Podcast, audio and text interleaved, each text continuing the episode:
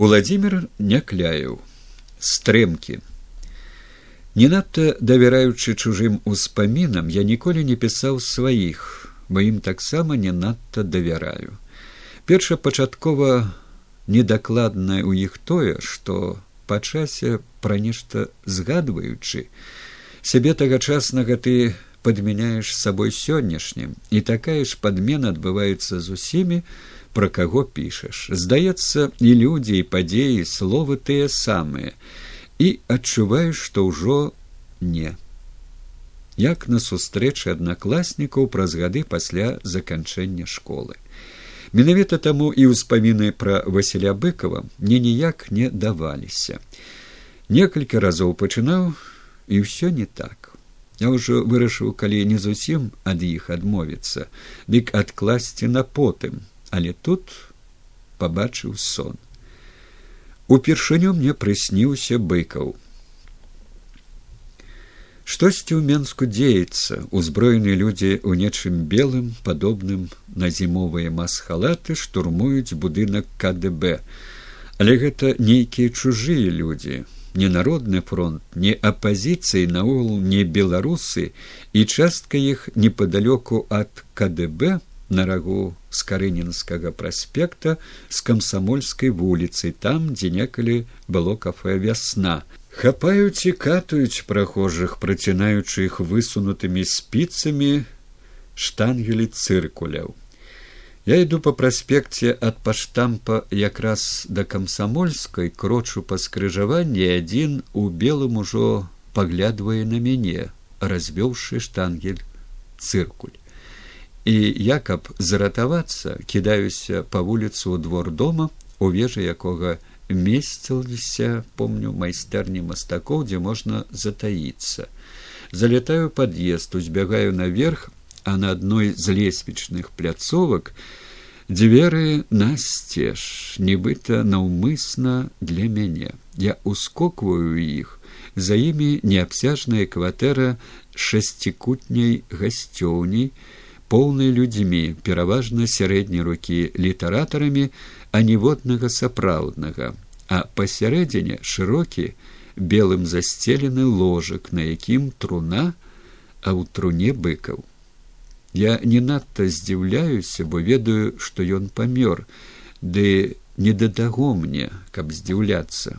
Мне паратунку шукаць трэба. І я латкуюся побач з труной маскіруюся накрываючыся белым а быкаў паварочваецца прыпадымаецца галавой на край труны на локаць. Твар ягоны наплывае і вочы ў яго вялізныя паглядам наскрозь пранізваюць бяздонна светлыя як у актора які ў фільме па быкаўскай повесці сыграў ролю сотнікава. Я из гэтага не дзіўлюся ведаючы што такое бывае. Чалавек нібыта памёр а насамрэч жывы. Маглі ж закапаць жывога. Дзякуй богу не паспелі. Быкаў глядзець на мяне і маўчыць нічога не кажа маўчыць і глядзіць пранізліва. Нехта з літаратараў да труны падскоквае. Василь владимирович вам можа гарбаткі? І хоць гарбаты быкаў не хоча але і ад апаслужлівасці такой адмахнуцца яму неякавата ён ківае згодна яму адразу кубак прыносіць заварку наспех вадой залітую неразмоклыя гарбацінкі зверху плаваюць і тут я жахаюся. Як ён гарбату піць будзе калі дактары ў шпіталі пражскім пераблытаўшы зусім не пухліну а страўнік яму выразалі увесь цалкам дык у што піць. Няхай вада ў целе і разліецца некуды але гарбацінкі куды падзенуцца? Тыя гарбацінкі вострыя цвёрда як жалезныя жылы парэжуць вены праткнуць і ў кроў дык адразу ж смерць. І я выбіваю з рук быкава кубак з якога ён ужо адпіў крычу каб хуткую дапамогу выклікалі. Нехта звоніць выклікае з'яўляюцца людзі ў белым але гэта не дактары бо нашто дактарам штангель цыркулі. Паперадзе ўсіх той які мяне на вуліцы высачыў ён набліжаецца высоўваючы спіцу зараз пранізае і я прашу быкова каб ці ўстаў ці пасунуўся даў у труне схавацца мёртвага калоць не стануць ды дарма спадзяюся быкаў прамаўляе. Мёртвых таксама забіваюць. І ўсе чакаючы што далей будзе маўчаць а быкаў атрасаючы пырскі з гарбацінкамі якія на мяне ляцяць і ў мяне упіваюцца стрэмкамі не ўстае і не пасоўваецца глядзіць пранізліва і бязлітасна скрозь мой страх і мяне я гэтаксама веру і не веру ў сны як веру і не веру ў ябу сон складнік жыцця адзін жыцця станаў яны сон і ява доўжацца адно ў адным і прачнуўшыся я стаў думаць як сон той доўжыць як яго разумець ад таго што павінна стацца і ў труне не схавацца калі прыдумана дык можна зразумець і так але сон запоўніўся непрыдуманай агульнай высновай а дэталямі гарбацінкамі якія жалезна ува мне заселі. Трэба было выцягваць стрэмкі сон падштурхнуў да явы да пісьмовага стола. Калі ў восень 1988 года ствараўся мартыралог беларусі, які фармальна прэзентаваўся як культурна-асветніцкае таварыства, а па сутнасці гэта была цалкам палітычная акцыя апошні арганізацыйны крок да стварення бнф адраджэння на ягоным устаноўчым сходзе у чырвоным касцёле. Тады яшчэ доме кіно. Раздаваліся анкеты у якіх сярод іншых пытанняў было такое для чаго вы уступаеце у мартыралог? Каб напісаць нешта я напісаў што для барацьбы са сталінскімі скажэннямі сацыялізму. Не ўсе з тых хто прыйшоў на сход анкеты бралі хтосьці узяўшы хаваў іх чыстымі ў кішэнь. Бо адна справа прыйсці і пайсці і зусім іншае нешта напісаць. Нават проста засведчыць на паперчыне што быў. кДб ад касцёла праз квартал. І ці мала як яно ўсё павернецца. Мне анкеты з іх пытаннямі таксама не надта глянуліся. Я сказаў быкаву што яны по мойму толькі напружваюць шмат каго з прысутных і незразумела на што гэта трэба.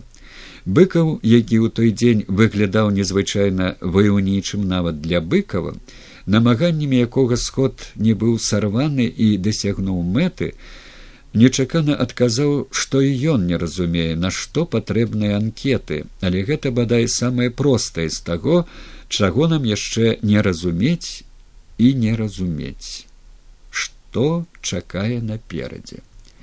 Часцяком пасля калі наставала і прымінала тое што чакала наперадзе мне згадвалася гэтае быкаўскае чаго нам яшчэ не разумець і не разумець.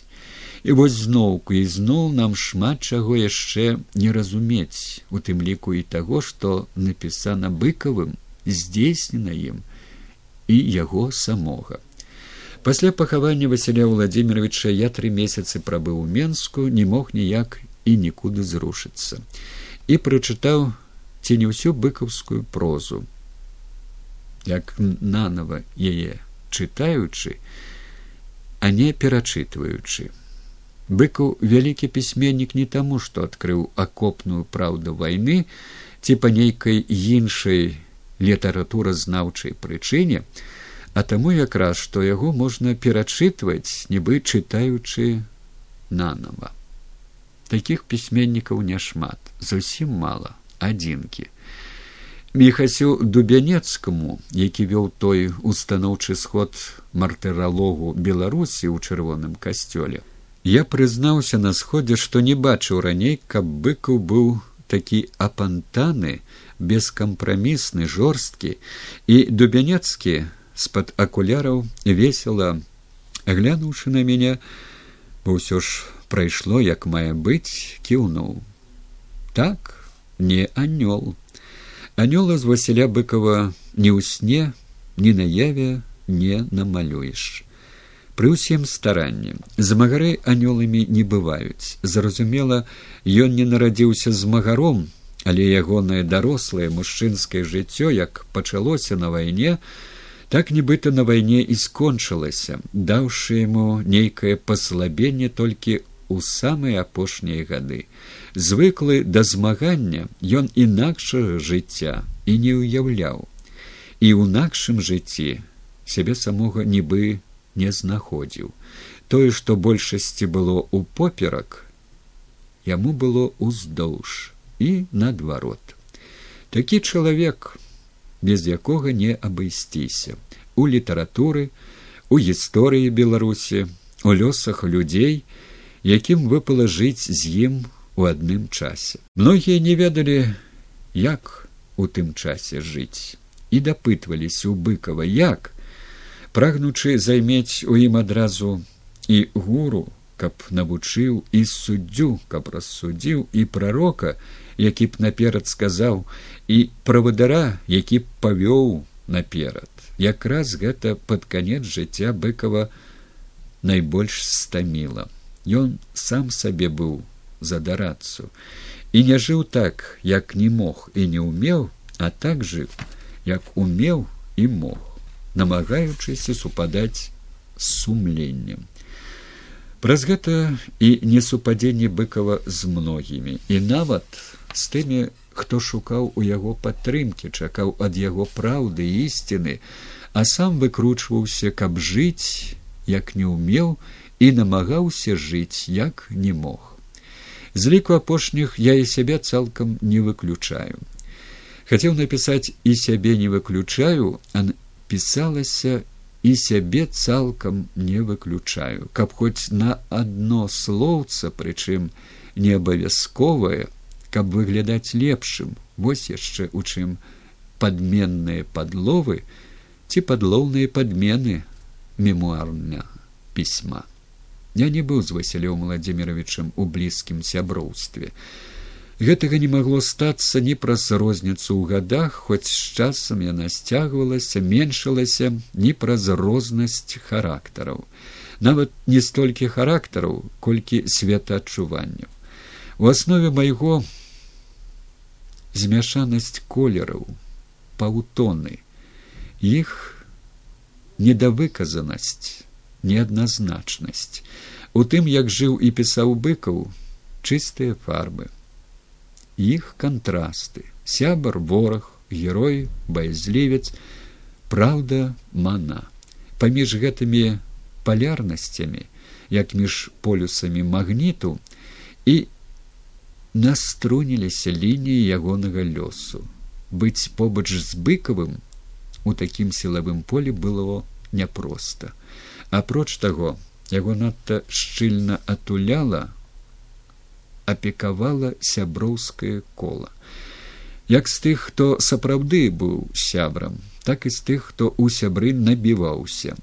Іншым разам ён нават здаваўся мне нібыта прыватызаваным быццам нейкае таварыства з абмежаванай адказнасцю валодала ім ці прэтэндавала на яго як на ўласнасць і ў сяброў таварыства меліся ягоныя акцыі у кожнага свая колькасць. А хто без акцыі той не лезь. І пры кожным зручным значным ці дробязным выпадку толькі і чулася. Я з васілём владимировичем раюся мне василь владимирович званіў. Я з быкавым гаварыў. Нашы адносіны вызначала бадай узаемная зацікаўленасць. Прастора якая падзяляла нас то сціскалася то пашыралася але не рвалася. Як для мяне жыццё ягонае не было староннім так і яму было неабыякова што я пішу што раблю як жыву гэта я і сам адчуваў і ён даваў мне пра тое знаць. Можна згадаць як ён даваў знаць пра тое неспадзяваным клопатам спагадам словамі і жэстамі падтрымкі. Але ўсё яно звычайнае што водзіцца паміж нармальнымі людзьмі з чаго нічога не вынікае. Ну быццам бы. Стрымкі глыбей я пазваніў яму перад ягоным ад'ездам у фінляндую спытаў чым дапамагчы калі і як праводзіць з паўгода мы не бачыліся і не чуліся і па голасе адчувалася што ён здзівіўся званку адносіны у нас на той час былі не лепшымі на павялічанай адлегласці. Да таго ж пакуль мы перамоўчваліся іх яшчэ больш напружыць пастараліся хоць я не уяўляў тады да какой ступені что да такой что вось я звоню ему перад ад'ездам і ён канешне здзіўляецца бо ўжо напісанае падрыхтаванае да друку інтэрв'ю у якім василь быкаў абвінавачвае владимира некляеву у набліжанасці да ўлады па сутнасці у супрацоўніцтве з ёю у тым што я сустракаўся з палкоўнікам замяталеным і іншымі прадстаўнікамі рэжыму. І напрыканцы называе мяне любімым пісьменнікам прэзідэнта. Он любимый писатель президента і этим все сказано. Інтэрв'ю друкавалася у рускамоўнай газеце. Калі быкаў прыкладу дык з размаху не цацкаўся не толькі мяне каго заўгодна. І мне не даводзілася чуць каб ён пасля пакаяўся ў гэтым ці хоць бы пашкадаваў. Ва ўсялякім выпадку знешне яно ніяк не выяўлялася. Характар. Мне ў той сітуацыі пры нашых адносінах на павялічанай адлегласці не надта і хацелася яму званіць але я быў старшынёй саюза беларускіх пісьменнікаў і за мяжу ад'язджаў найславуты беларускі літаратар. Разбірацца ва ўзаемаадносінах было не па часе і не да месца. Магчыма праз неспадзяванку што я тэлефаную і ані слова пра інтэрв'ю пра якое як ён думаў мне ўжо рупліва даклалі быкаў пачаў размаўляць як звычайна. Сказаў што не варта рабіць з ад'езду ягонага падзею без таго усяго хапае. І раптам спытаў помаўчаўшы ці ад сябе я званю? Хто яго ведае можа быць я не так зразумеў пра што ён ён проста спытаўся адкуль я званю. З дому з работы але вакол мяне было ўсяго ўжо столькі накручана што я жыў як заведзены пружынай якая вось вось зламаецца. Таму і пачуў не змог не пачуць у пытанні іншае ад каго я званю. І быку патрапіў тое у што можа і не цэліў тыдні за тры перад тым меў я размову з владимиром канаплёвым. Дарэчы сказаць бо наўрад ці я калі-небудзь буду да гэтага вяртацца ён адзін з нямногіх ва ўладзе хто калі даваў слова дык трымаў яго.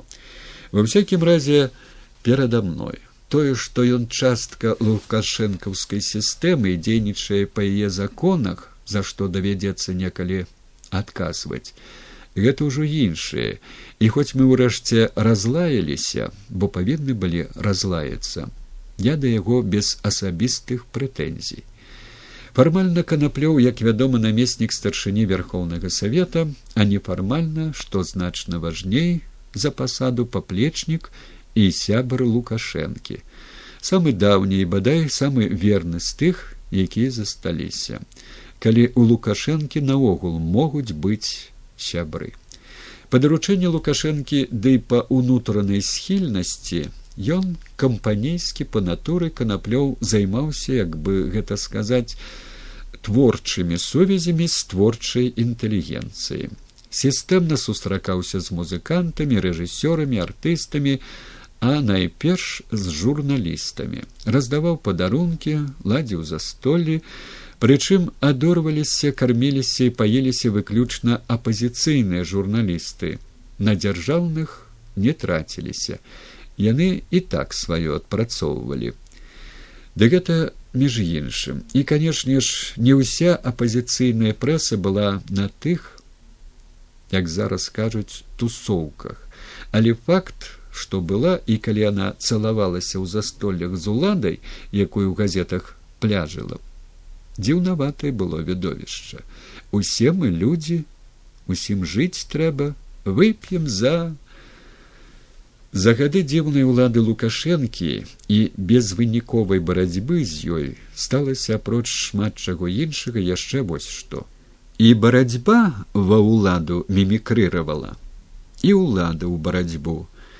Не спаў ніхто, у тым ліку і спецслужбы. Таму даўно ўжо ў нас то барацьба барацьбу барацьбая, то барацьба з барацьбой барацьбаецца. Канаплёў спытаў, ці праўда, што Васіль быкаў з'язджае за мяжу. У іх мелася інфармацыя, нібы ён на зусім з'язджае, эмігруе.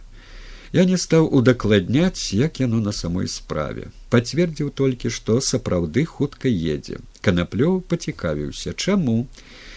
Я пачаў прагаворваць агульную версію са здароўем кепскавата. Ён папрацаваць хоча, а тут і жыць нармальна няма як. І канаплёў перапыніў, нельга, каб быхаў, з'ехаў. Мы ўсё для яго зробім самі адправім за мяжу ў найлепшы санаторый дома створам які ён захоча умовы толькі толькі аказалася быкаву каб займець рай на зямлі трэба сустрэцца з лукашэнкам. Я павінен быкова на гэта угаварыць уламаць. Такая вось на мяне ускладваецца місія. У іх уяўленне яно як было. Калі ты старшыня саюза пісьменнікаў, дык і начальнік над пісьменнікамі, як генерал у войску, дырэктар на фабрыцы, але кім бы я не уяўляўся, мне давалі зразумець, што хоць з выгляду яны і простыя шклоўскія хлопцы, але такіх хітрых, як я бачылі, і не адпрацоўваючы на іх а нічога ні для саюза ні для сябе я не займею. Мы сядзелі ў кабінеце у які заходзіў я аднойчы разам з быкавым калі намеснікам старшыні верхоўнага савета і гаспадаром кабінета быў геннадзь карпенко ён просто зацягнуў нас да сябе выпадкова вылавіўшы каля гасцініцы кастрычніцкая дзе пасяліліся нашыя госці маскоўскія літаратары. Василий Владимирович зойдзем да мяне хачу параіцца. Дык тут параемся а я габінет вам покажу вы ж габінету майго не бачылі? Быкаў быў у добрым настроі да жартаўлівага асілка карпенкі меў сімпаты і згадзіўся. Хадзем паглядзім. Карпенку машына чакала. Быкаў ехаць не захацеў. Насядзеліся пройдзем. Пайшлі пас прэзідэнцкай рэзідэнцыі я ўслых стаў згадваць як карпенко ў девяносто четвертым годзе вагаўся ці ісці на прэзідэнцкія выбары ці не зарана яму у прэзідэнты. Як я пытаўся каб змусіць яго збіраць подпісы выбаршчыкаў а не дэпутатаў шасцёра з якіх пад самыя выбары подпісы свае адклікалі. І карпенко застаўся ні з чым калі былому дырэктару саўгаса ў самы час дык чаму табе былому дырэктару завода доктару навук зарана? Быкаў на ўсё гэта моўчкі ківаў і толькі парог кабінету пераступіўшы адрэагаваў. Вялікі кабінет хоць мог быць і большы і калі карпенко расмаяўшыся наліў па кілішку стары салдат сказаў яшчэ з майго вопыту геннадзь жыць як посвіст міны сасачыць каб ад асколкаў зратавацца. Ніколі не бывае зарана а бывае толькі запозна. Посвісту міны як жыццё показала геннадзь дмітриевич не усачыў прамінула два гады і не ў гэтым ні ў большым кабінеце быкова і уявіць немагчыма было. Але ж не казаць пра тое канаплёву які сустрэчу першага пісьменніка з першым прэзідэнтам канешне ж не сам сасніў з ад'ездам быкова ўсё ўжо было вырашана. Фіны далі ему стыпендую по праграме міністэрства культуры і пен-цэнтра якая называется хельсінкі. Горад бяспекі для пісьменніка ад'езду нічога не замінала а галоўны быкаў сам хацеў ехаць. Яму было семьдесят чатыры гады а жыў ён у такім псіхалагічным і фізічным напружанні вытрываць якое не кожнаму маладому. У быкава ж дыхаецца ды з сэрца. А тут яшчэ з прыходам да ўлады лукашэнкі зноў яго пачалі цкаваць. І зноў тымі самымі што і раней сабакамі. Нібыта ўсё вярнулася на кругі свае. Я сказаў канаплёву што таксама не за тое каб быкаў з'язджаў. Я магу яму перадаць не ўгаворваючы і не уломніваючы бо яно без толку што з ім хацеў бы спаткацца прэзідэнт. Толькі і з гэтага нічога не выйдзе. А калі выйдзе дык што? Быку можа ўсё абнародваць пры выпадку і атрымаецца што ён паслаў прэзідэнта на ненарматыўная лексіка нармальная ва ўладным лексіконе А вось калі б лукашенко адкрыта сам яго запрасіў карона б не звалілася і выйшла б зусім іншае. Калі б нават быкаў адмовіўся тады можна было б публічна развесці руками народны прэзідэнт не зважаючы на палітыку паклапаціўся пра народнага пісьменніка хацеў як найлепш а той заядлы за упарціўся. Дык што ж тады лукашэнкі і па-чалавечы і палітычна адны плюсы ніякіх мінусаў. Даводзіў я гэта канаплёву перакідваючы ўсё на яго не толькі таму каб самому з небяспечнага скрыжавання саскочыць. Кожны карысць сваю шукаю і не ў маіх інтарэсах было тады каб быкаў з'ехаў. Хоць я і ведаў і разумеў па якіх прычынах але ён дома быў патрэбны бо з ім вага саюзу пісьменнікаў адна без яго іншая. Правіўшы першыя раунды з уладзімиром замяталіным які у прэзідэнцкай адміністрацыі і ва ўрадзе метадычна выконваў сваю ўласную праграму па ліквідацыі ўсяго беларускага я ўбачыў што на гэтым рынгу значэнне маюць не прыёмы не тэхніка а толькі вага. Канаплёва я плюсамі без мінусаў пераканаў, але канаплёў не лукашенко. Калі мы спаткаліся наступным разам і я спытаў ну што ён не расказваючы якая ў яго з лукашэнкам размова адбылася толькі крутануў галавой не і па выглядзе ягоным відаць было што за тое да чаго я падбіў ён мне не дужа удзячны Нічога іншага ніхто і не чакаў. Лукашенко не з тых, хто першым кіўніцца насустрач. Быкаву сустрэцца з лукашэнкам, пра якога Васіль Владимирович чуць не хацеў. Я не прапаноўваў. Валтузня вакол ягонага ад'езду доўжылася, а тут ён раптам пытае, як з намёкам на нешта ці ад сябе я званю і ўжо ўсё сабе схаваць я не змог прорвалася напружанасць я адказаў што званю не ад сябе ад саюза дзякуй пракіну быкаў з такой інтанацыі нібы ледзь трываў каб не пакласці трубку. Дапамагаць няма ў чым і праводзін не трэба. Ніякай гаворкі далей быць не магло і я пажадаў яму шчаслівай дарогі калі б да той размовы нашай хоць сам гасподь подключыўся сказаўшы што ў тую ж дарогу следам за быкавым давядзецца неўзабаве выправіцца і мне ніхто з нас думаю і господу б не поверыў быкаўскае інтэрв'ю рэзанула мяне по-жывому знешні выгляду я не падаваў ды ўнутры. Мне ўжо ківалі на гульні з уладай у тым ліку людзі якіх я паважаў але ж не быкаў. Тым больш што ён ведаў практычна ўсё што папярэднічала гэтым гульням. Ведаў пра тое што непазбежна да іх змушала. Я сам тлумачыў яму што гэта непазбежна. Мяне і абіралі ў старшыні каб я гэтым займаўся што я і рабіў. Маючы надзею што тыя хто абіраў не прасцейшыя за шклоўскіх хлопцаў і разумеюць якая наперадзе гульня.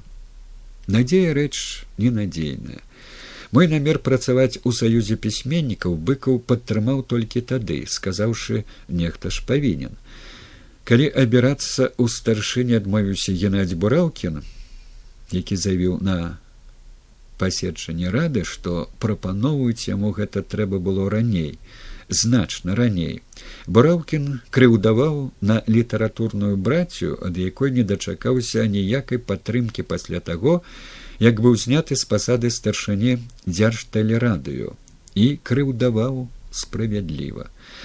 Аднак мяркую адмовіўся ён абірацца не толькі па крыўдзе, маючы за плячыма вышэйшую кіраўнічую школу і непараўнальны з маім вопыт стасункаў з рознымі ўладамі, Геннадзь Миколаевич мусі быць наперад здагадваўся, што ўсе высілкі па выратавання асобнай арганізацыі, якая проста існаваннем сваім беларускай сутнасцю сваёй процідзейнічае агульнай дзяржаўнай палітыцы стануцца марнымі. Зрэшты не ведаю, ці думаю бураўкін так, як зараз я за яго думаю. Мне на той час думалася інакш, амаль усё, за што я не браўся, мне тады ўдавалася, і гэта давала адчуванне упэўненасці і сілы. А з такім адчуваннем часта ўдаецца зарабіць нават большае ад таго на што ты здольны. І мне падалося што я мы калі усе згуртуемся і будзем біць у адно здольныя выправіць сітуацыю паўплываць на ўладу на лукашэнку які для нечага ж не толькі ж для таго каб імпэту мне дадаць пракінуў аднойчы. На прэзідэнта трэба уплываць калі вы не будете сустракацца са мной шукаць магчымасці ўплываць дык сустракацца з прэзідэнтам і ўплываць на яго будуць іншыя.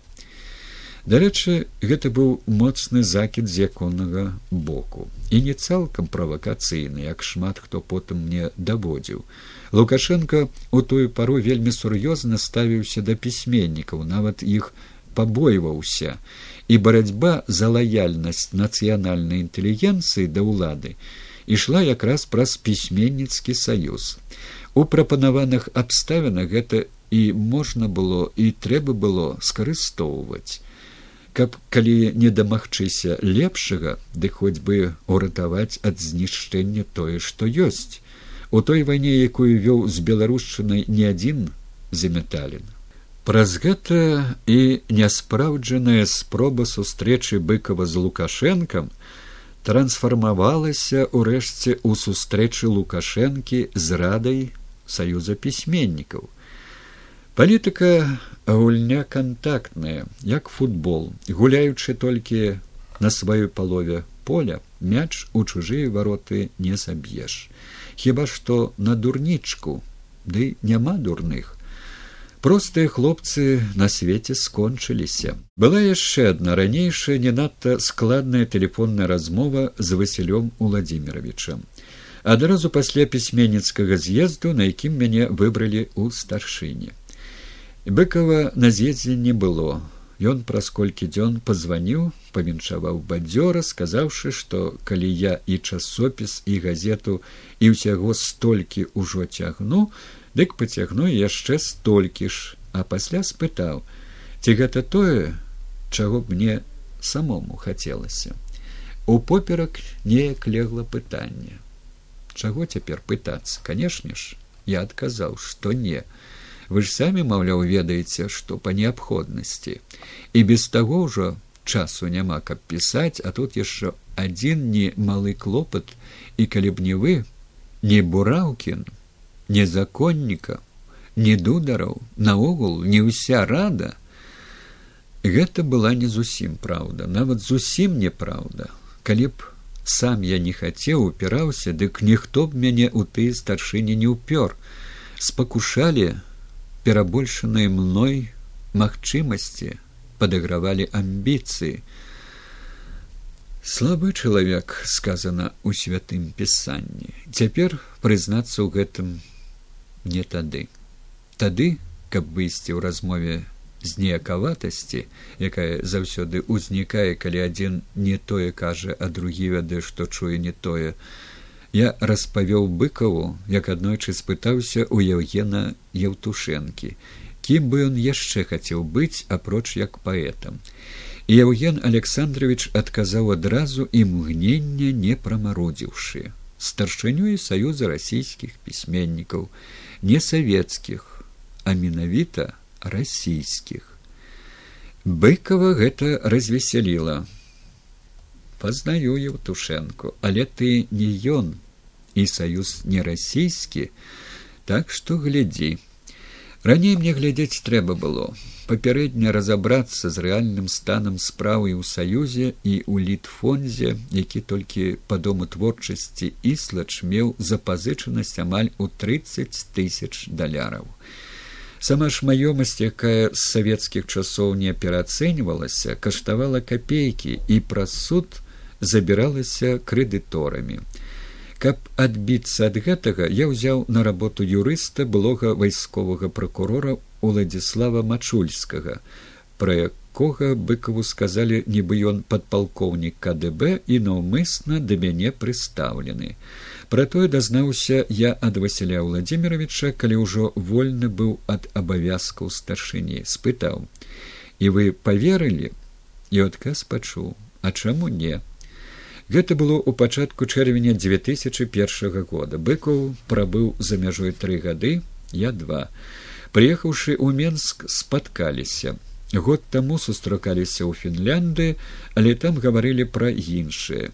Тут жа толькі што прайшоў трынаццаты пісьменніцкі з'езд за які і зачапіліся не выключаю сказаў я што мачульскі які і шмат хто іншы можа недзе служыць але ніхто яго да мяне не прыстаўляў прыйшоў я ў саюз без аніякіх папярэдніх дамоўленасцяў з уладай маючы свой план выпраўлення сітуацыі якой аказаліся пісьменнікі палягаў ён на тым каб не толькі вярнуць пісьменніцкую маёмасць а стварыць на е падмурку камерцыйнай структуры і пазбавіцца татальнай залежнасці ад дзяржавы займець хоць нейкую свабоду а свабода калі ў баку пакінуць балбатню пра яе гэта эканамічная самастойнасць. У свой час я займеў яе для часопіса крыніца стварыўшы з удзелам рэдакцыі нешта накшталт невялічкага канцэрну. Калі з рэдакцыі па розных прычынах сышлі леонид екель мехась катюшенко і павел якубович з якімі пачынаў я часопіс мне ніхто не замінаў доўжыць яго як папулярнае масавае у рускамоўным накладзе і рэнтабельнае выданне.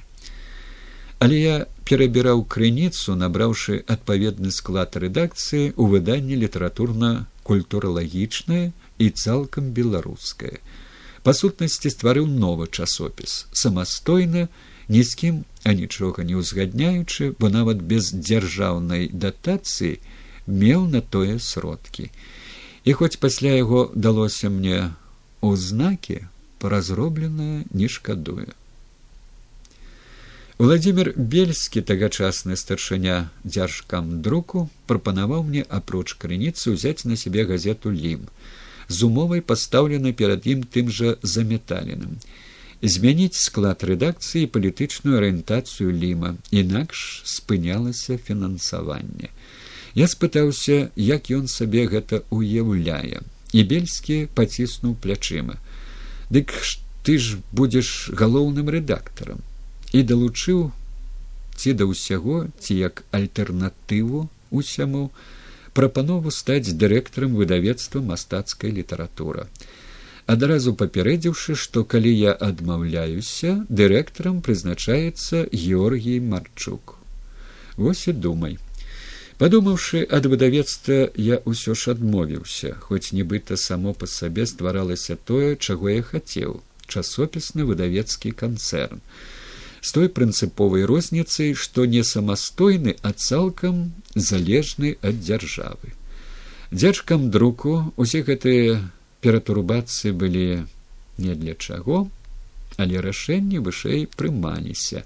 І бельскі з якім былі мы ў нармальных адносінах не хаваў адкуль ногі растуць. Правобраз холдынгу літаратура і мастацтва ва ўсім паслужлівага ўладзе вунь калі ўзнік у кучаравай ідэямі галаве заметалена не рэалізаваў ён ідэю па парадаксальнай прычыне сам стаў старшынёй дзяржкам друку. А сваімі рукамі ажыццяўляць задумнае было нязручна. Звык чужымі каб выглядала нібы ён ні прычым так і выйшла за металін у адстаўцы быў калі перамагла ягоная ідэя. Ідэі ў нас як нідзе жывуць і перамагаюць пра ўсё гэта распавёў я быкаву праз тры гады на паабранні ў старшыні калі усё яно прамінула. Нагадаўшы яму і сабе ягоныя тагачасныя так што глядзі якім ён нібыта перасцерагаў мяне папярэджваў аб тым што можа стацца і па часе сталася не пачуўшы тады ягоных перасцярог бо нічога надта ўжо кепскага наперадзе не бачылася я адгаварыўся агульным сказаў што рабіць толькі тое што хацелася б яшчэ нікому по мойму не ўдавалася. Быкаў згадзіўся што яно так і ўсё у рэшце рэшт вызначаецца вынікам. Найперш тым колькі як зроблена з таго што хацелася якраз ад гэтага адцягваюць спакусы на якія ловіцца дакуль жыве чалавек. І паразважаўшы пра спакусы василь владимирович завершыў гаворку высновай. Найцяжэйшая з чалавечых навук неспакуслівасць. Ну а я пра агульнае. І ён пра агульнае. Але ж для нечага яно казалася чытаючы кнігу ўспамінаў быкова доўгая дарога дадому я міжволі вяртаўся да той нашай размовы спатыкаючыся на мясцінах дзе быкаў ужо спакусіўшыся спрабуй давесці што не. І піша як сам не хацеў ні ўзнагарод ні прэмій ні званняў ды ўсё вырашалася ці збегам абставін ці неабходнасцю а ў дэпутаты верхоўнага савета ссср наогул згадзіўся абірацца толькі таму што пазваніў анатоль вярцінскі які быў тады рэдактарам газеты лім і якога ён паважаў. І вярцінскі роспачна сказаў што павінны друкаваць у газеце вынікі вылучэння ў дэпутаты і ў пратаколе які перад ім запісаны што саюз пісьменнікаў вылучыў быкова а ты не пагаджаешся. Дык як мне быць? І быкаў дзеля рэдактара дзеля ліма змушаны быў пагадзіцца. Жывы як і ўсе чалавек. Няхай сабе моцу ім на трох. Тут калі задацца пытаннем дык не тым што сталася б з лімам і з вярцінскім калі б паведамленне аб вылучэнні ў дэпутаты надрукавалася б пазней ці зусім не было б надрукаванае вярцінскі тым самым можа быць і падціскаў быкова каб той згадзіўся але не ў гэтым пытанні. Чаму быкаў наогул пра гэта піша як апраўдваецца? Ён што не заслужыў самых вялікіх прэмій? Самых высокіх узнагарод не быў сапраўды народным? І заслужыў і быў Чаму ж тады нібы апраўдваецца? Па-першае мяркую якраз таму што разважаў думаў пра спакусы разумеючы што разважаць яшчэ не значыць не спакусіцца. Па-другое у адзнаках працы ва ўзнагародах і прэміях за якія б'юцца ва ўсім свеце бачылася яму апроч іншага яшчэ і перамога спакус а былымі ўзнагародамі з прэміямі яго ў апошні час што называецца дасталі. Настолькі што ён закамплексаваў. Болей папракнуць не было ў чым.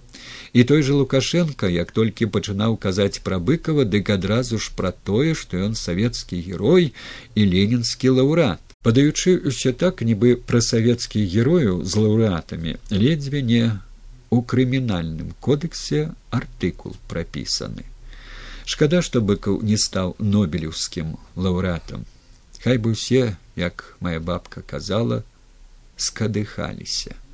Канешне не таму шкада што не скадыхаліся. Нобелеўская прэмія быкова дапамагла б выбіцца ў вялікі свет не толькі беларускай літаратуры усёй нацыянальнай культуры пасля вылучэння василя быкова на нобелеўскую прэмію я двойчы быў у стакгольме. І па звестках якія меў ад шведаў быў упэўнены што прэмія рэальна станецца. Не сталася. Пра нейкія прычыны па якіх не сталася я ведаю пра нейкія здагадваюся. Ды здагадка не факт для ўспамінаў. Аднойчы я паспрабаваў загаварыць пра гэта з ім самім. Калі мы разам былі ў фінляндыі у тампера рэакцыя быкова была больш чым цікавай. Ён сказаў што у ірыны михайлаўны жонкі зуб разбалеўся і думаю ён пра тое як бы ёй дапамагчы а не пра прэмію бо ведае як яно калі зуб баліць. Мы пайшлі ў аптэку. І яшчэ адну ў кнізе ўспамінаў быкова праглядваецца ў спробах ягоных апраўданняў. Тое пра што я казаў на пачатку несвядомая падмена сябе тагачаснага сабой сённяшнім каб адпавядаць. Гэтага мусі быць ніхто не здольны пазбегнуць.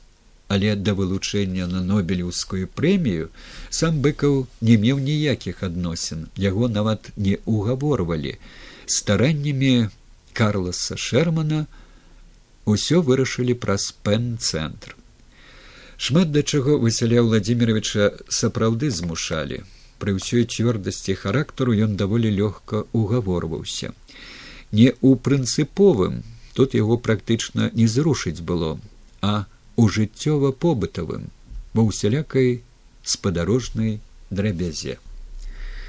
За няёмкасці як адмовіць сябру ці проста хорошаму чалавеку упершыню я пераканаўся ў тым калі паэт знакаміты хіба толькі песняй жураўлі на палесе ляцяць але хорошы чалавек алесь ставер быў заклапочаны сваім паўвекавым юбілеем і ўсё прыкідваў хто правёў ягоную юбілейную вечарыну.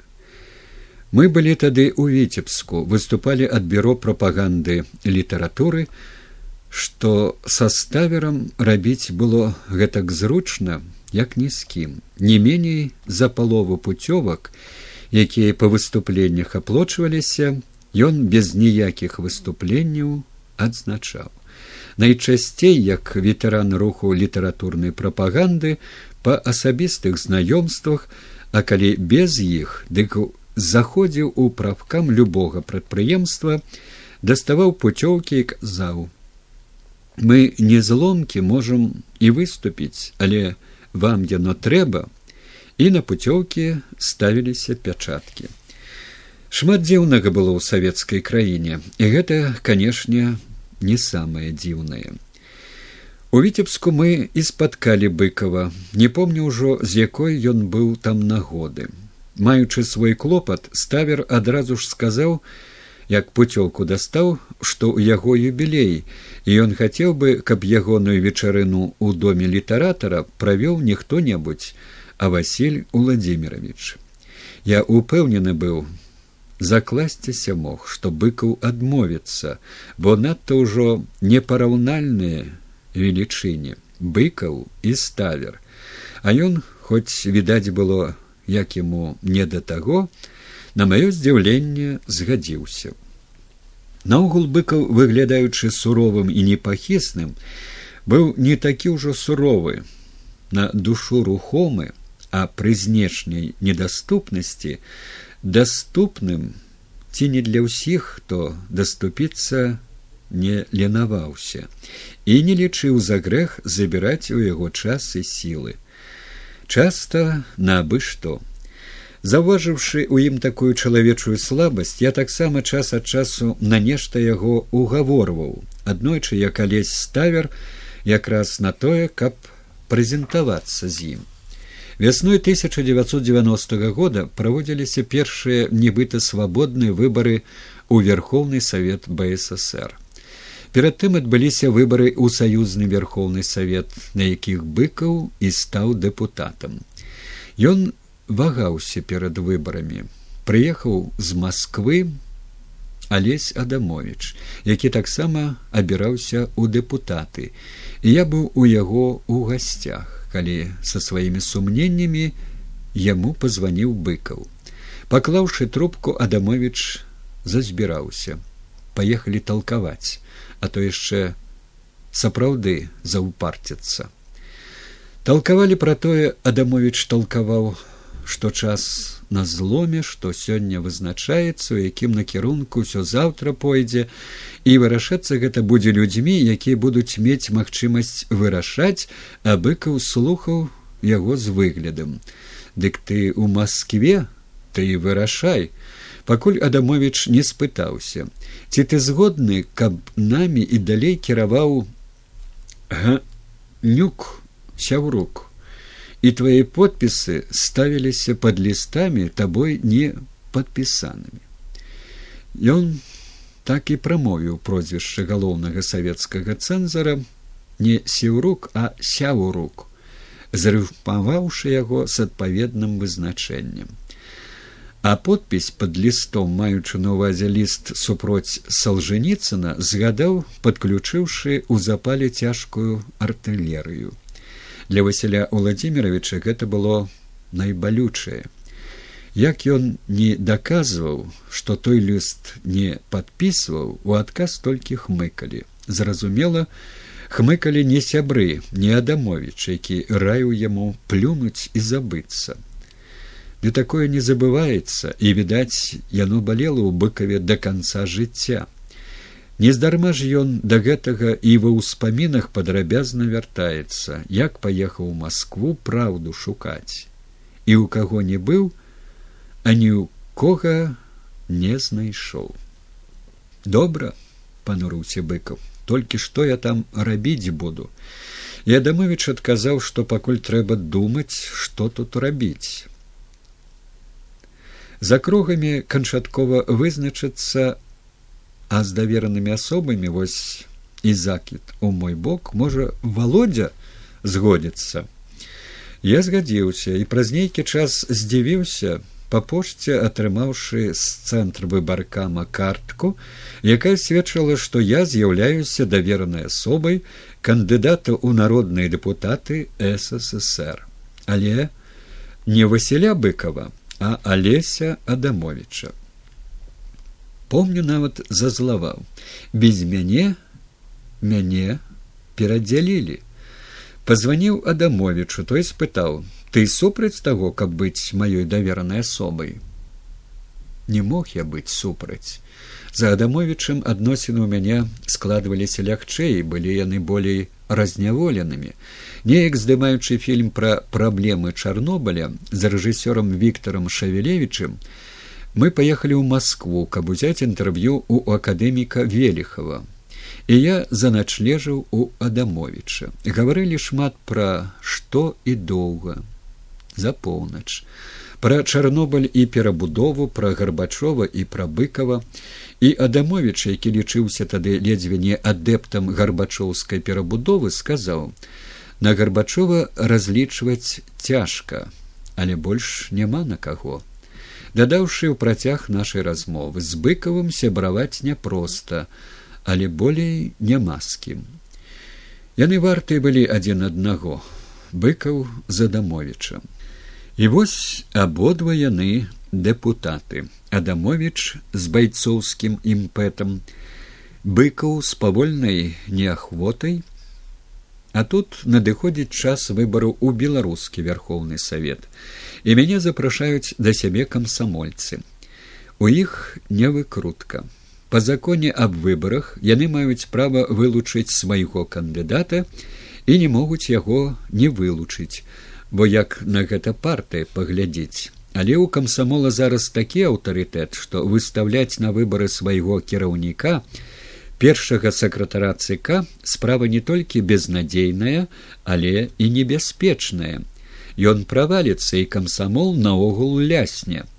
Дык ці не згадзілись вы владимир прокопавіч як лаўрад прэміі ленінскага камсамола ад нас вылучыцца тады былі б і ваўкі сытыя і за ўсё ў жыцці рана ці позна даводзіцца разлічвацца. Пры ўсёй відавочнасці сітуацыі якая розніца хто ты калі вылучаешься ад камсамола як адмовіцца. Калі ты сапраўды і прэмію займеў і на бам ездзіў і і яшчэ камсамольцы сціпла попрасілі каб на сходзе на якім мяне будуць вылучаць мяне прадставіў василь быкаў. Выступіў у якасці маёй даверанай асобы. Яны ўсё абмазгавалі перш чым перамовы правесці. Не такія дурныя хлопцы камсамольцы. Нездарма пасля павальна сталі бізнесменамі завітаў я да быкова распавёў яму ўсё. Па-чалавечы ён мяне зразумеў але не скажу што ўзрадваўся асабліва той акалічнасці з якой і пачаў адразу. Калі я пайду на выбары ад камсамола дык яно тое самае што ад улады і мяне змусіць абірацца па акрузе у процівавагу ці пазняку ці хадыку ці яшчэ каму-небудзь ад бнф а калі яшчэ раптам я перамагу так што гульня распачатая мной здаецца яму рызыкоўнай небяспечнай але рызыкаваць справа і права кожнага. Успрыняўшы ягоныя словы як адмову я і без таго пачуваючы сябе неякавата няўклюдна выказаўся што ў нас аднолькавыя правы у тым сэнсе што маё права попрасіць яго пайсці на сход ягонае не пайсці. Быкаў пакруціў у руках кубак з гарбатай адпіў паставіў. Ты ж згадзіўся стаць маёй давернай асобай хоць і не стаў. І прыйшоў на сход. Расхваліў мяне і пайшоў. Выступіў так што ўзнікла паўза і нехто ўскочыў Някляеву пісаць трэба, а не на палітыку час марнаваць. І мяне не вылучылі, прагаласавалі супраць. Усё наогул магло добра скончыцца, але апамяталіся. Чакайце, мы ж тады без кандыдата застанемся і аднагалосна перагаласавалі. Далей пайшло ўсё як прадбачыў быкаў. Паклікалі ў гаркам партыі і пёт краўчынка які быў тады сакратаром па ідэалогіі прапанаваў акругу па якой ад бнф абіраўся мехась ткачоў. Чалавек якога я паважаў заўсёды рады быў бачыць пра што і сказаў краўчынку. Той рассмяяўся вось і будзеце часцей бачыцца. Я ведаю што ён да цябе таксама хораша ставіцца дык і не палаецеся. Культурныя людзі культурныя выбары. З гумаром у краўчынкі нібыта ўсё нармальна. Ды мне не да гумару было. Рэгістравацца па акрузе ткачова я адмовіўся. Краўчынка праўда і не настойваў. І я выбраў акругу под нумаром трынаццаць дзе ад бнп абіраўся алесь емельянаў які рабіў палітычную кар'еру на публічным прызнанні ў тым што быў стукачом праз пару дзён ён з'явіўся каб дамовіцца што я не буду яму замінаць не надта прагнучы мець справу са стукачамі як сённяшнімі так і былымі я і не замінаў. Пасля першай сустрэчы з выбаршчыкамі, на якой абазначыў прысутнасць, з'ехаў з менску і скарыстаў час прадвыбарнай кампаніі на тое, каб папрацаваць. Дасюль не ведаю, ці хто-небудзь без мяне за мяне прагаласаваў. Быў яшчэ адзін выпадак, звязаны з быкавым і краўчынкам, даволі забаўны і ў ім дасціпны гумар выяўляў ужо быкаў. У Менск немцы прыехалі адразу дзве дэлегацыі. адна ў доме дружбы з быкавым сустракалася, а другой дэлегацыі, паколькі быкаў адзін, у доме літаратара сустрэцца не было з кім. І мне пазванілі з міністэрства замежных спраў, дзе краўчынка ўжо міністрам быў. Пётр Кузьміч просіць, каб з імі сустрэліся вы. Што мне да немцаў, што немцам да мяне дом літаратара побач з домам дружбы і я пытаюся чаму б адных немцаў не злучыць з другімі праз завулак яно ж не праз берлінскую сцяну. Ды мне адказваць што гэта немцы. Яны прыйдуць туды і ў столькі куды і ў колькі прызначана і будзе няёмка бо гэтыя немцы ў нас па адной лініі а ты па іншай. Ну я нібыта зразумеў, што маецца на ўвазе рушу ў дом літаратара. Там тых немцаў пяцёра пачаставаліся белавежскай і я прапанаваў перайсці ў іншае месца, дзе будзе тая ж гарэлка толькі з васілём быкавым. Немцы прызналіся, што на тое разлічвалі. Я пазваніў у дом дружбы арсену ваніцкаму, той сказаў, што і быкаў у яго і гарэлкі хопіць. Пасля сустрэчы мы пасядзелі ў трох у кабінеце ваніцкага, які разводзіў рукамі і здзіўляўся, як у нас самыя простыя могуць заблытаць і ў складаныя ператварыць, зрабіўшы раптам выснову, што ўсё з-за таго, што краўчынка кар'ерыст. Быкаў быў задаволены сустрэчай, вясёлы, а тут раптам перастроіўся і самым сур'ёзным выглядам, нібы ў абарону краўчынкі пачаў даводзіць ванецкаму, што як немец не можа не быць немцам, так кар'ерны чалавек не можа быць не кар'ерыстам, бо тады не было б ні кар'ерыстаў, ні немцаў, што ў абодвых выпадках было б няправільна.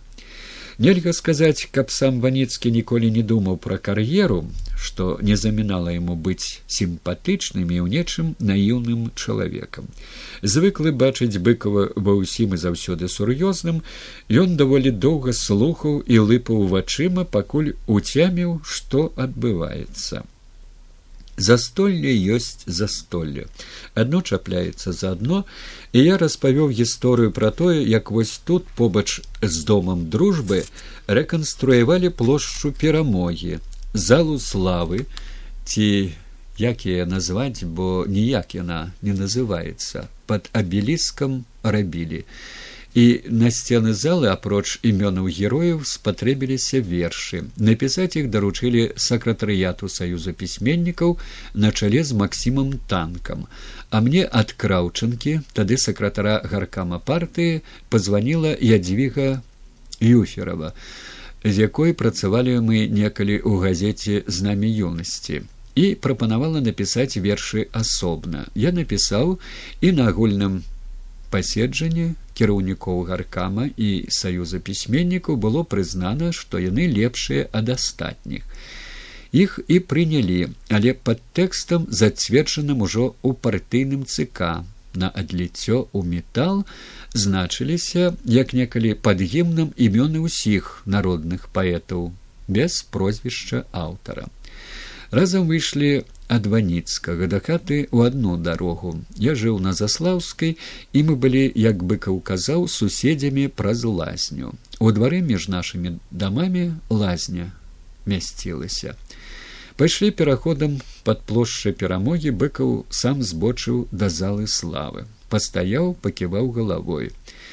Не парты ўсё ж несправядлівая дастаў асадку і хоць тая на мармуровай сцяне амаль следу не пакінула падпісаў пад вершамі у някляяў жарт які доўжыў ён вясёлы настрой але і жэст паэта я люблю жэсты паэтаў не менш калі не больш чым саму паэзію бо паэзія словы сон а жэст дзея жыццё хоць усё адно у адным быкаў схаваў асадку гістарычная праўда адноўлена я сказаў дзякуй немцам пад'ездзе быкова ў фінляндыю спаткаліся мы амаль праз год якраз у немцаў у берліне ёсць літаратурная майстроўня і там под патранажам крыстава хойбнера даўняга сябра василя быкова праводзілася нешта накшталт дзён беларускай літаратуры немцы запрасілі сергея законнікова алеся разанова галіну булыку і людмілу рублеўскую мяне і канешне васіля владимировича які прыляцеў з хельсінкі разам з ірынай михайлаўнай сустрэліся. Быкаў паводзіўся так нібы нічога кепскага між намі не сталася. Ну просто нічога. Як сам што пасля хваробы як сям'я. І ні слова пра тое дзеля чаго я прыехаў. Па чарзе ладзіліся нашы літаратурныя вечарыны і ў першы дзень выступаў быкаў. Каб не збіваць яго стропы я вырашыў адкласці размову на заўтра. А можа і зусім яе не пачынаць так дык так. Уночы цяжка пагаварыў з разанавым які як цецярук на такавішчы не чуў нікога і нічога апроч сябе і свайго. Пад раніцу я ўсё ж сабраўся. Не трэба хоць словам перакінуцца. Па-чалавечы. Перакінуліся ў дворыку майстроўні куды разам са мной і быкавым выйшаў сергей законнікаў. Я пачаў сергей спытаў няўтульна можа мне адысціся? Быкаў спыніў яго. Няма чаго хавацца мы свае людзі. І на маё пытанне чаму ён у той не лепшай для мяне сітуацыі калі наваліліся з усіх бакоў толькі паспявай паварочвацца. Зрабіў тое што зрабіў. Нібыта адсек мяне ад сябе. Адказаў што па першае не адсякаў а па другое зрабіў так каб не было лепей. Я перапытаў што? Ён паўтарыў слова ў слова каб табе было лепей.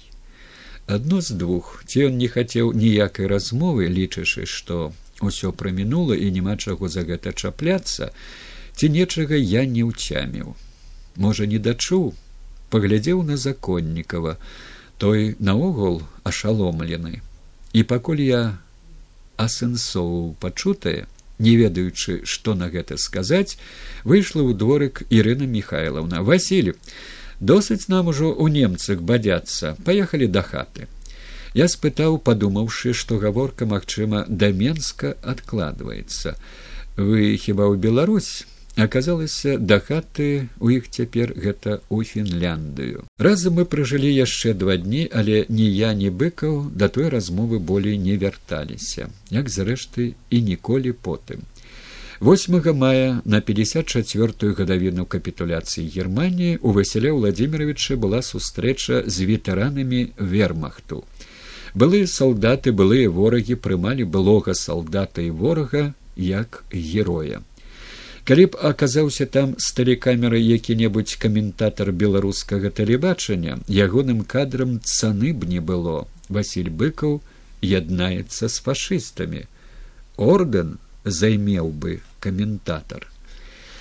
Пасля сустрэчы ўзрушаны быкаў казаў, што прычына такога прыёму не персанальна ў ім, а ў тым, што немцы сапраўды прайшлі праз пакаянне, а мы ён меў на ўвазе ўсіх нас былых і небылых савецкіх не. І пакуль як немцы ў фашызме мы не пакаемся ў бальшавізме у лагерах і генацыдзе датуль нармальнага жыцця нармальнага грамадства наогул нічога людскага ў нас не будзе. Будуць і будуць без пакаяння з'яўляцца і з'яўляцца лукашэнкі гатовы раўняцца хто на сталіна хто на гітлера на развітальнай вечарыне якую часткова ператварылі ў святкаванне надыходзячага семидесятипятигоддзя василя быкова я сказаў яму што заўтра ў доме творчасці мы збіраем каб папіншаваць з днём перамогі вашых ветэранаў пісьменнікаў дык можа прывітаць іх і ад яго? Ён адказаў каб канешне я ўсіх вітаў хоць наўрад ці ягонае прывітанне з германіі пралётам у фінляндыю ветэранаў нашых асабліва ўзрадуе. Развіталіся моўчкі абняўшыся. Так нібы пра ўсё адгаварылі. Калі ідзе убачымся. З берліну ў менск вылеталі мы на досведку 9 мая. Пасля бессоннай ночы сеўшы ў крэслы прыдрамалі сцюардэса расштурхала піць што небудзь будзеце самалёт быў наш і з пітва адна гарэлка з раніцы глядзець на яе невыносна было. Законнікаў пакутліва адвярнуўся я сказаў сергей 9 мая у небе над берлінам калі яшчэ такі выпадак надорыцца выпілі ў нямецкіх небёсах за перамогу за бацькоў за лейтенанта быкова. Пасля жа зачыніліся ў прыбіральні. І над дзіркай з якой свістала ветрам спявалі фронтавыя песні. З аэрапорта я адразу паехаў на іслач у дом творчасці. Перадаў ветэранам віншавання ад быкова успрынялі стрымана выйшаўшы з вялізнай народу вайсковай палаткі дзе былі накрытыя сталы стаў пакурыць каля наўмысна прывезенай палявой кухні. За ёй два захмялелыя ветэраны пад сасной як у войску кажуць апраўляліся і перагаворваліся пра тое колькі ж я грошай нахапаў калі расшодраўся на такі банкет калі быкаў хацеў каб мне лепей было дык у нейкім сэнсе зрабіць яму гэта ўдалося. Як толькі надрукавалася інтэрв'ю у якім ён выцяў мяне бізуном так з лукашэнкі адразу пасыпаліся пернікі вырашаліся праблемы якія здаваліся невырашальнымі. І ўрэшце дайшло да таго што ў гаспадарчым управленні справамі прэзідэнта са мной самі загаварылі пра вяртанне пісьменнікам аднятай у іх маёмасці. Бо ўпраўленню як аказалася яна і не патрэбная яе утрыманне адны выдаткі праз міністэрства аховы здароўя абяцалі адрамантаваць і дом творчасці пісьменніка участкова пераабсталяваўшы яго пад санаторый. І шмат чаго яшчэ было наабяцана. Я спытаўся ў канаплёва з чаго раптам так са мною зацацкаліся. І я перадаў словы лукашэнкі сказаныя на нейкай іх нарадзе у вузкім коле. Быкова мы згубілі але не кляева не можам і не павінны згубіць. Выходзіла так, калі я чужы для быкава значыць свой для іх. Найбольш лукашэнку раз'юшвала тое, што ад'езд быкава падаваўся як эміграцыя і па ягонай віне. У Ярослаўлі, куды я летаў з ім у складзе афіцыйнай дэлегацыі, што таксама трэба расцэньваць было як пернік, карэспандэнтка НТБ наўпрост спытала, чаму эміграваў з беларусі быкаў і як беларускі прэзідэнт такое дапусціў. Лукашенко раздражнёна і агрэсіўна адказаў тымі ж словамі якія чуў я ад канаплёва. Мы ўсё гатовыя былі для яго зрабіць а ён? Гэта было адзінае нелаяльнае пытанне ва ўсім астатнім лукашэнку прымалі на ура На цэнтральнай плошчы Ярослаўля сустракалі натоўпам з плакатамі з транспарантамі. Лукашенко прэзідэнт рассіі і плошча захлынулася ў захапленні, калі ён, пратакольна ўсклаўшы кветкі да помніка Масіму Богдановичу, раптам адскочыў ад усіх і ў адзіноце ўсклаў чырвона-рэвалюцыйны гваздзік да помніка Леніну ярослаўскі губернатар якому б такое мусіць і не прыснілася толькі вачыма лыпаў а плошча заходзілася. Ура! Я падумаў тады што яшчэ трохі славянскай дружбы еднасці інтэграцыі і ўсё можа быць. Лукашенко ж пра тое што можа быць удзень і ўночы думаў. І менавіта таму на ўсё што ставала на гэтым шляху накідваўся бязлітасна. 25 снежня 1998 года ён падпісаў з ельцыным заяву і дэкларацыю пра аб'яднанне беларусі і рассіі у адну саюзную дзяржаву. А 30 снежня зноў жа ў складзе афіцыйнай дэлегацыі я паляцеў з ім у смаленск дзе святкавалася восьмидесятгоддзя ўтварэння бсср псіхалагічна я ўжо дайшоў быў да мяжы трывання. І тая паездка стала для мяне калі не вырашальнай дык блізкай да таго. На ўрачыстым сходзе Лукашенко прамаўляў, як звычайна доўга і пра тое самае. Еднасць адзінства. Пасля тое ж прачнуўшыся на сцэне пражаваў спікер расійскай думы селезнёў але ўсіх пераплюнуў мітрапаліт смаленскі і калінінградскі кірыл. Абвясціў узняўшы руки і ўзвёўшы вочы да неба што ён адукаваны чалавек і калі ёсць яшчэ у зале адукаваныя людзі дык разам з ім яны ведаюць не было і няма ніякіх украінскіх і беларускіх народаў і моў а было і будзе адзінае рускае дрэва на якім усё украінскае беларускае штучна прышчэпленае калі не здзічэлыя парасткі якія засохнуць з якіх лістота ападзе і зашуміць дрэва адным народам на адзінай мове як задумаў бог. Зала ускочыла пляскаць і ўстаў пляскаць на сцэне прэзідэнт беларусі якой не было і няма. Ну не даць жа мітрапаліту памітры не прэзідэнцкая справа хоць праваслаўны іерарх і адмаўляе існаванне народу які абраў цябе прэзідэнтам. Нават урал латыпаў татарын у той час беларускі міністр замежных спраў пазіраў не на сцэну, а ніякавата ў бок. Сумёты, якія ў лавіну зрываюцца, паступова нарастаюць і не сцвярджаю, што ўсё вырашалася імгненна ў той момант, калі глядзеў наўкол, дзе я і з кім і дзеля чаго. Нібы раней не бачыў, не разумеў, але знаходзіліся апраўданнем а тут захлеснула як горла пятлёй і не прадыхнуць апраўданнямі. Не было для чаго мне тут быць. Назад з лукашэнкам на самалёце ягоным я не паляцеў. Пайшоў на вакзал купіў білет на цягнік. Ехаў колы тахкалі. Так не так.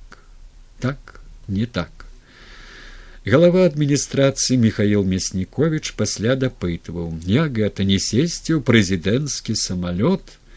Спрактыкаваны наменклатуршчык ён нешта западозрыў. І таму сказаў, каб я ведаў, што калі б не прэзідэнт, мне б не атрымаць дзяржаўнай прэміі. Бо разам з прадстаўленнем камітэта па прэміях было пададзена заключэнне нібы я атрымліваючы прэмію скарыстовую службовае становішча.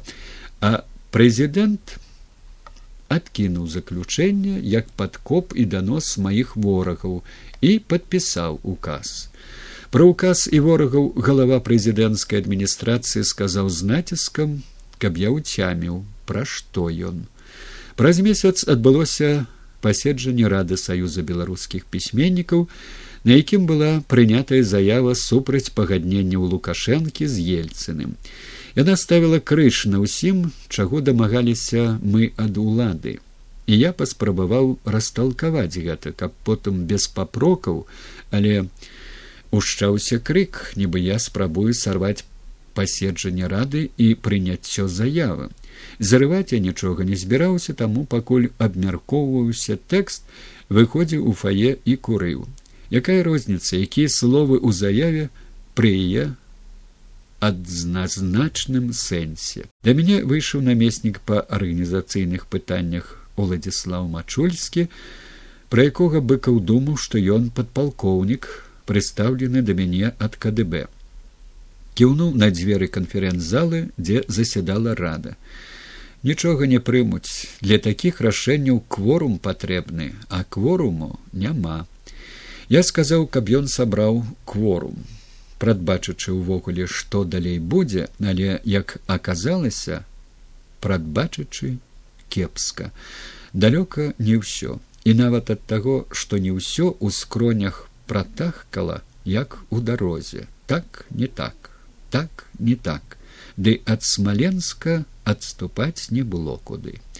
Што ж да кепскіх прадбачанняў дыкі тут я ніколі не быў надта празорлівым асабліва ў адносінах да сяброў на якіх звык разлічваць як на самога сябе. Хоць той жа быкаў пасля мне скажа калі маеш дзесяць сяброў дык наперад ведай што дзевяць з іх цябе прададуць з іншага боку я таксама нечы сябар усе мы беларусы сябры. І няхай не быў я ніколі але лічыўся сябрам лукашэнкі які адмеўшы даносы і падкопы пастараўся для мяне з прэміяй а я чым адплаціў? Выходзіла што чорнай няўдзячнасцю. Таму узыграла яшчэ і асабістае я яму а ён мне ды хто на месцы лукашэнкі а дрэагаваў бы іначай? Ніхто тым больш што даклалі яму коротко. Не кляю выступіў супраць вас астатняе ўсё не мела значэння заяву надрукавалі лукашенко справядліва усхадзіўся нядаўна сустракаліся пра ўсё дамовіліся і на рэспубліканскай нарадзе дзе прысутнічалі ўсе кіраўнікі у тым ліку сілавыя міністры распрадзіўся саюзам пісьменнікаў разабрацца наўпрост майго прозвішча не назваў ды ўсе ўсё зразумелі і прынялі да выканання надта ўвішна як пасля лукашенко сказаў перастараліся. Сам ён даводзіць справу да таго да чаго яна дайшла. Не збіраўся гэта не на карысць яму было. Хацеў пастрашыць. Разборкі завадатарам якіх подключыўшы яшчэ девять з десяти сяброў стаў заметален. Давялі мяне ад смаленска да варшавы. Думаў няма куды адступаць а зямля аказалася вялікая калі ўжо малапрыемныя адносінах з быкавым згадваць дарэшты дык апошняе вось што У варшаве я заняўся стварэннем інстытута беларусі ў польшчы па аналогіі з інстытутам польшчы ў беларусі але зусім з іншымі задачамі. Падмурак задума быў палітычны чаго я і не хаваў. Палякі ўсяляк мне ў тым садзейнічалі. Да моманту казытлівага пытання пра сродкі. Пане владыку сколь у бедным польскім панстве грошы? Проша пана да амерыканцаў на пачатку дапамагаць мне горача ўзяўся адном міхнік і раптам астыў. Я падумаў што ён закапрызнічаў як капрызна зазлаваўся быў калі першую інфармацыю пра мяне дала газета левых трибуна я ледзь адгаварыўся тым што левыя самі сабралі і падаліўся звесткі хто вам правым замінаў але гэтым разам астыласць цягнулася на надта доўга для капрызу. І сергей станкевич некалі вядомы расійскі палітык які хаваўся тады ў варшаве канфідэнцыяльна мне паведаміў што з газеты выборцай дзе міхнік быў галоўным рэдактарам пазванілі ў хельсінкі быкаву і быкаў сказаў нібы я маю ў польшчы нейкія прыватныя інтарэсы таму і з'ехаў з беларусі пры гэтым станкевич зрабіў ківок у той бок што маўляў два героя на адной танцпляцоўцы нагавата господи пасля берліну это ўжо занадта да яшчэ калі намагаюся тут нешта зрабіць у варшаву прыехаў з москвы валянцін аскоцкі і я ему як блізкаму сябру быкова не стрываўшы ўсё выклаў. Ён не поверыў сказаў што і так збіраўся пісаць быкаву ліст а цяпер напіша неадкладна. Не ведаю ці напісаў і што калі напісаў адказаў яму быкаў не пытаўся як не ведаю таксама чаму я сам не пазваніў у хельсінкі каб спытацца. Не мог. Пастанавіўшы для сябе што такога не магло быць. Супакоіўшыся разважыў. Што і як у фінлянды мог ведаць быкаў пра мае прыватныя інтарэсы ў польшчы. Калі б нават яны былі. Выходзіла што як раней нас рупліва разводзілі так стараюцца і цяпер ці дома ці тут. Бо калі палякі хто горача хто прахалодней мне ўсё ж дапамагалі дык беларусы ў большасці сваёй заміналі асцерагаючыся каб не заняў чые-небудзь нішу накапаную норку. Інстытутам я займаўся да прыезду з вільні пад самы канец 1999 года семёна шарэцкага Ён насіўся тады з ідэяй стварэння беларускага ўрада ў выгнанні і быў запрошаны на сустрэчу з прэзідэнтам польльшы. Зянун пазняк перад сустрэчай стараўся давесці яму, што і як казаць кваснеўскаму, Я ўстаўляў свае пяць капеек, калі ўжо вы, як адзіны легітымны кіраўнік Рэспублікі Беларусь ствараеце беларускі ўрад у выгнанні, дык попрасіце Польшу даць прытулак гэтаму ўраду. Кваснеўскі, каб не ускладняць адносіны з рассіі, ні за што на гэта не пойдзе, але згодзіцца на што заўгодна меншае. Шарэцкі на сустрэчы распавёў кваснеўскаму пра сваё бачанне польскіх палітычных і эканамічных праблем. Кваснеўскі, які польскіх праблем не ведаў, шчыра падзякаваў. На тым аўдыенцыя скончылася. Увечары шарэцкі чытаў мне свае вершы і абяцаў дапамагчы з арганізацыяй інстытута, калі я ў сваю чаргу арганізую зварот беларускай інтэлігенцыі ў ягоную падтрымку. Вас і так інтэлігенцыя падтрымлівае. Вунь вы вершы складаеце і маглі б стаць паэтам, сказаў я на гэта і шарэцкі ўздыхнуў скрушна. Калі б не палітыка. У 1996 годзе на мой юбілейны аўтарскі канцэрт у маладзечня геннадзь карпенко прывозіў шарэцкага які абдымаючыся са мной на сцэне таксама прасіў яго падтрымаць і ўсё дапытваўся чаму я адмовіўся ад ганаровай граматы вярхоўнага савета. Карпенко уздыхнуў тады таксама скрушна.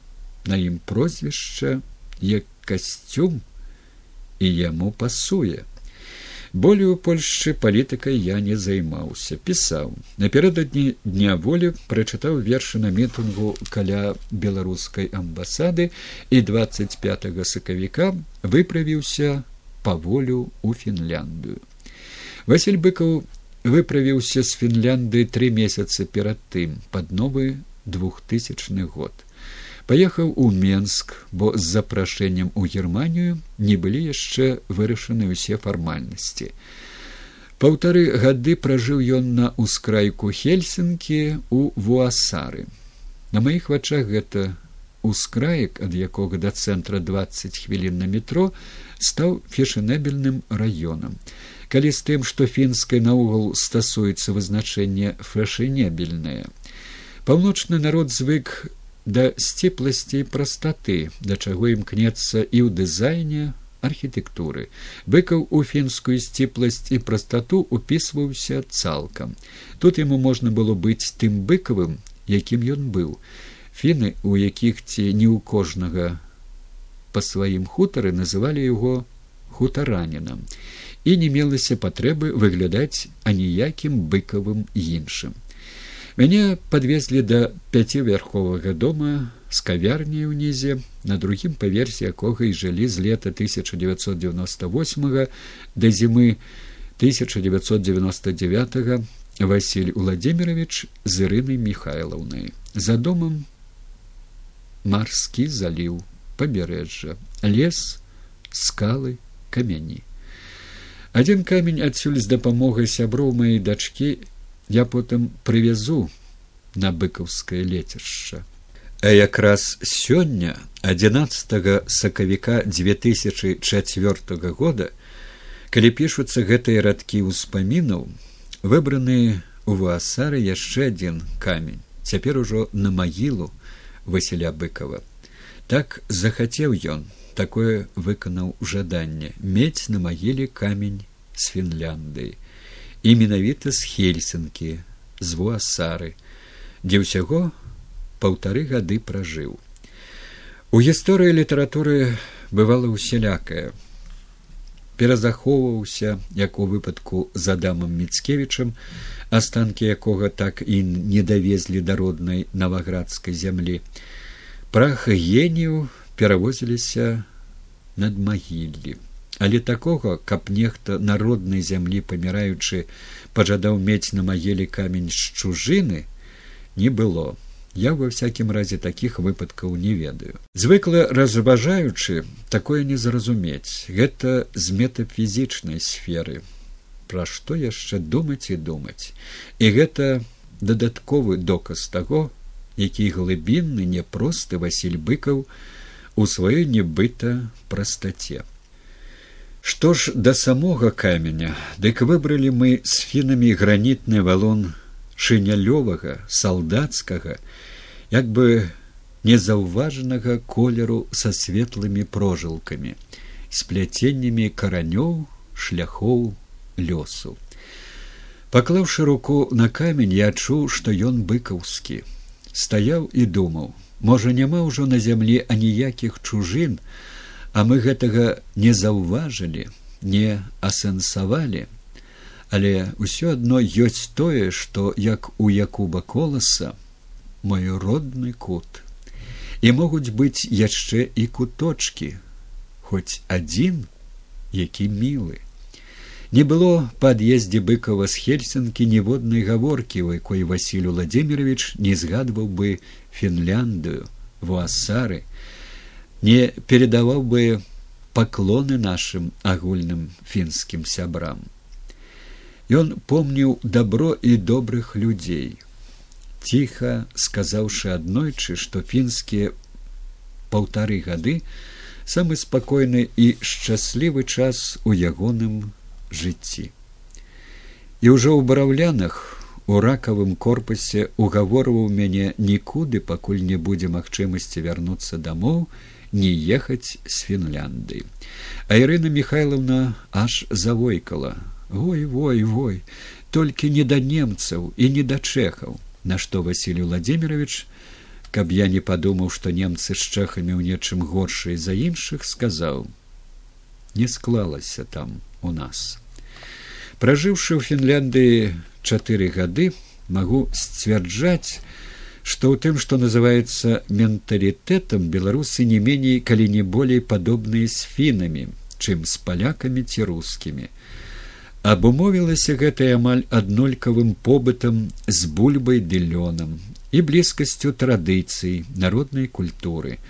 Купалле і па сёння ў фінляндыі дзяржаўнае свята гэтак падобныя народы не могуць не зацікавіцца адзін адным не знайсціся ў свеце і я перакананы што так яно ўрэшце і будзе. Можа быкаўскі камень падмурак пад тую будучыню. Непростое што паўтары гады спакойны шчасліва пражыў у фінляндыі быкаў пажадаў мець камень адтуль на сваёй магіле. І наўрад ці нехта ўзяўся б нібы у нас сваіх камянёў не стае перацягваць з фінлянды ў беларусь дзве з паловай тоны граніту каб не глыбінная метафора закладзеная ў гэтай дзеі у апошнім быкаўскім жаданні У юкі Малінена, віцэ-прэзідэнта пінскага пэнцэнтра, я спытаў неяк, чаму яны не прыцягнулі запрашэнне быкаву надалей. Калі той хацеў застацца, Юка, які апекаваў і любіў быкава, вазіў яго да сябе на радзіму, на магілы бацькоў здзівіўся. Дык ён не прасіў. Я давёў яму, што быкаў і не мог прасіць на што юка сказаў прабачылі мы фіны не такія тонкія не ведаю можа патанчэўшы мяне ўжо фіны запрасілі надалей без ніякіх просьбаў і зразумелі ўсё што я сказаў ім пра метафору закладзеную ў перадсмяротным жаданні быкова і узяліся дапамагаць. Найперш той жа Юка Малінен і Юрыя Лармала з управы культуры горада Хельсінкі. Хоць здавалася б, нашто ім гэта. Шчыра сказаць, я сам пакуль да канца не веру, што метафізічная гісторыя з быкаўскім каменем завершацца рэальным вынікам. Асцерагаюся нават, каб некага камень выпадкам не прыціснуў але гэта ўжо ўспаміны пра будучае. Побачым ёсць яшчэ адзін факт быкаўскай біяграфіі які міжволі звязваецца з быкаўскім жаданнем мець на магіле камень з дальніх зямель гэта брацкая магіла ў далёкіх краях у якой даўно пахаваны лейтенант быкаў в у.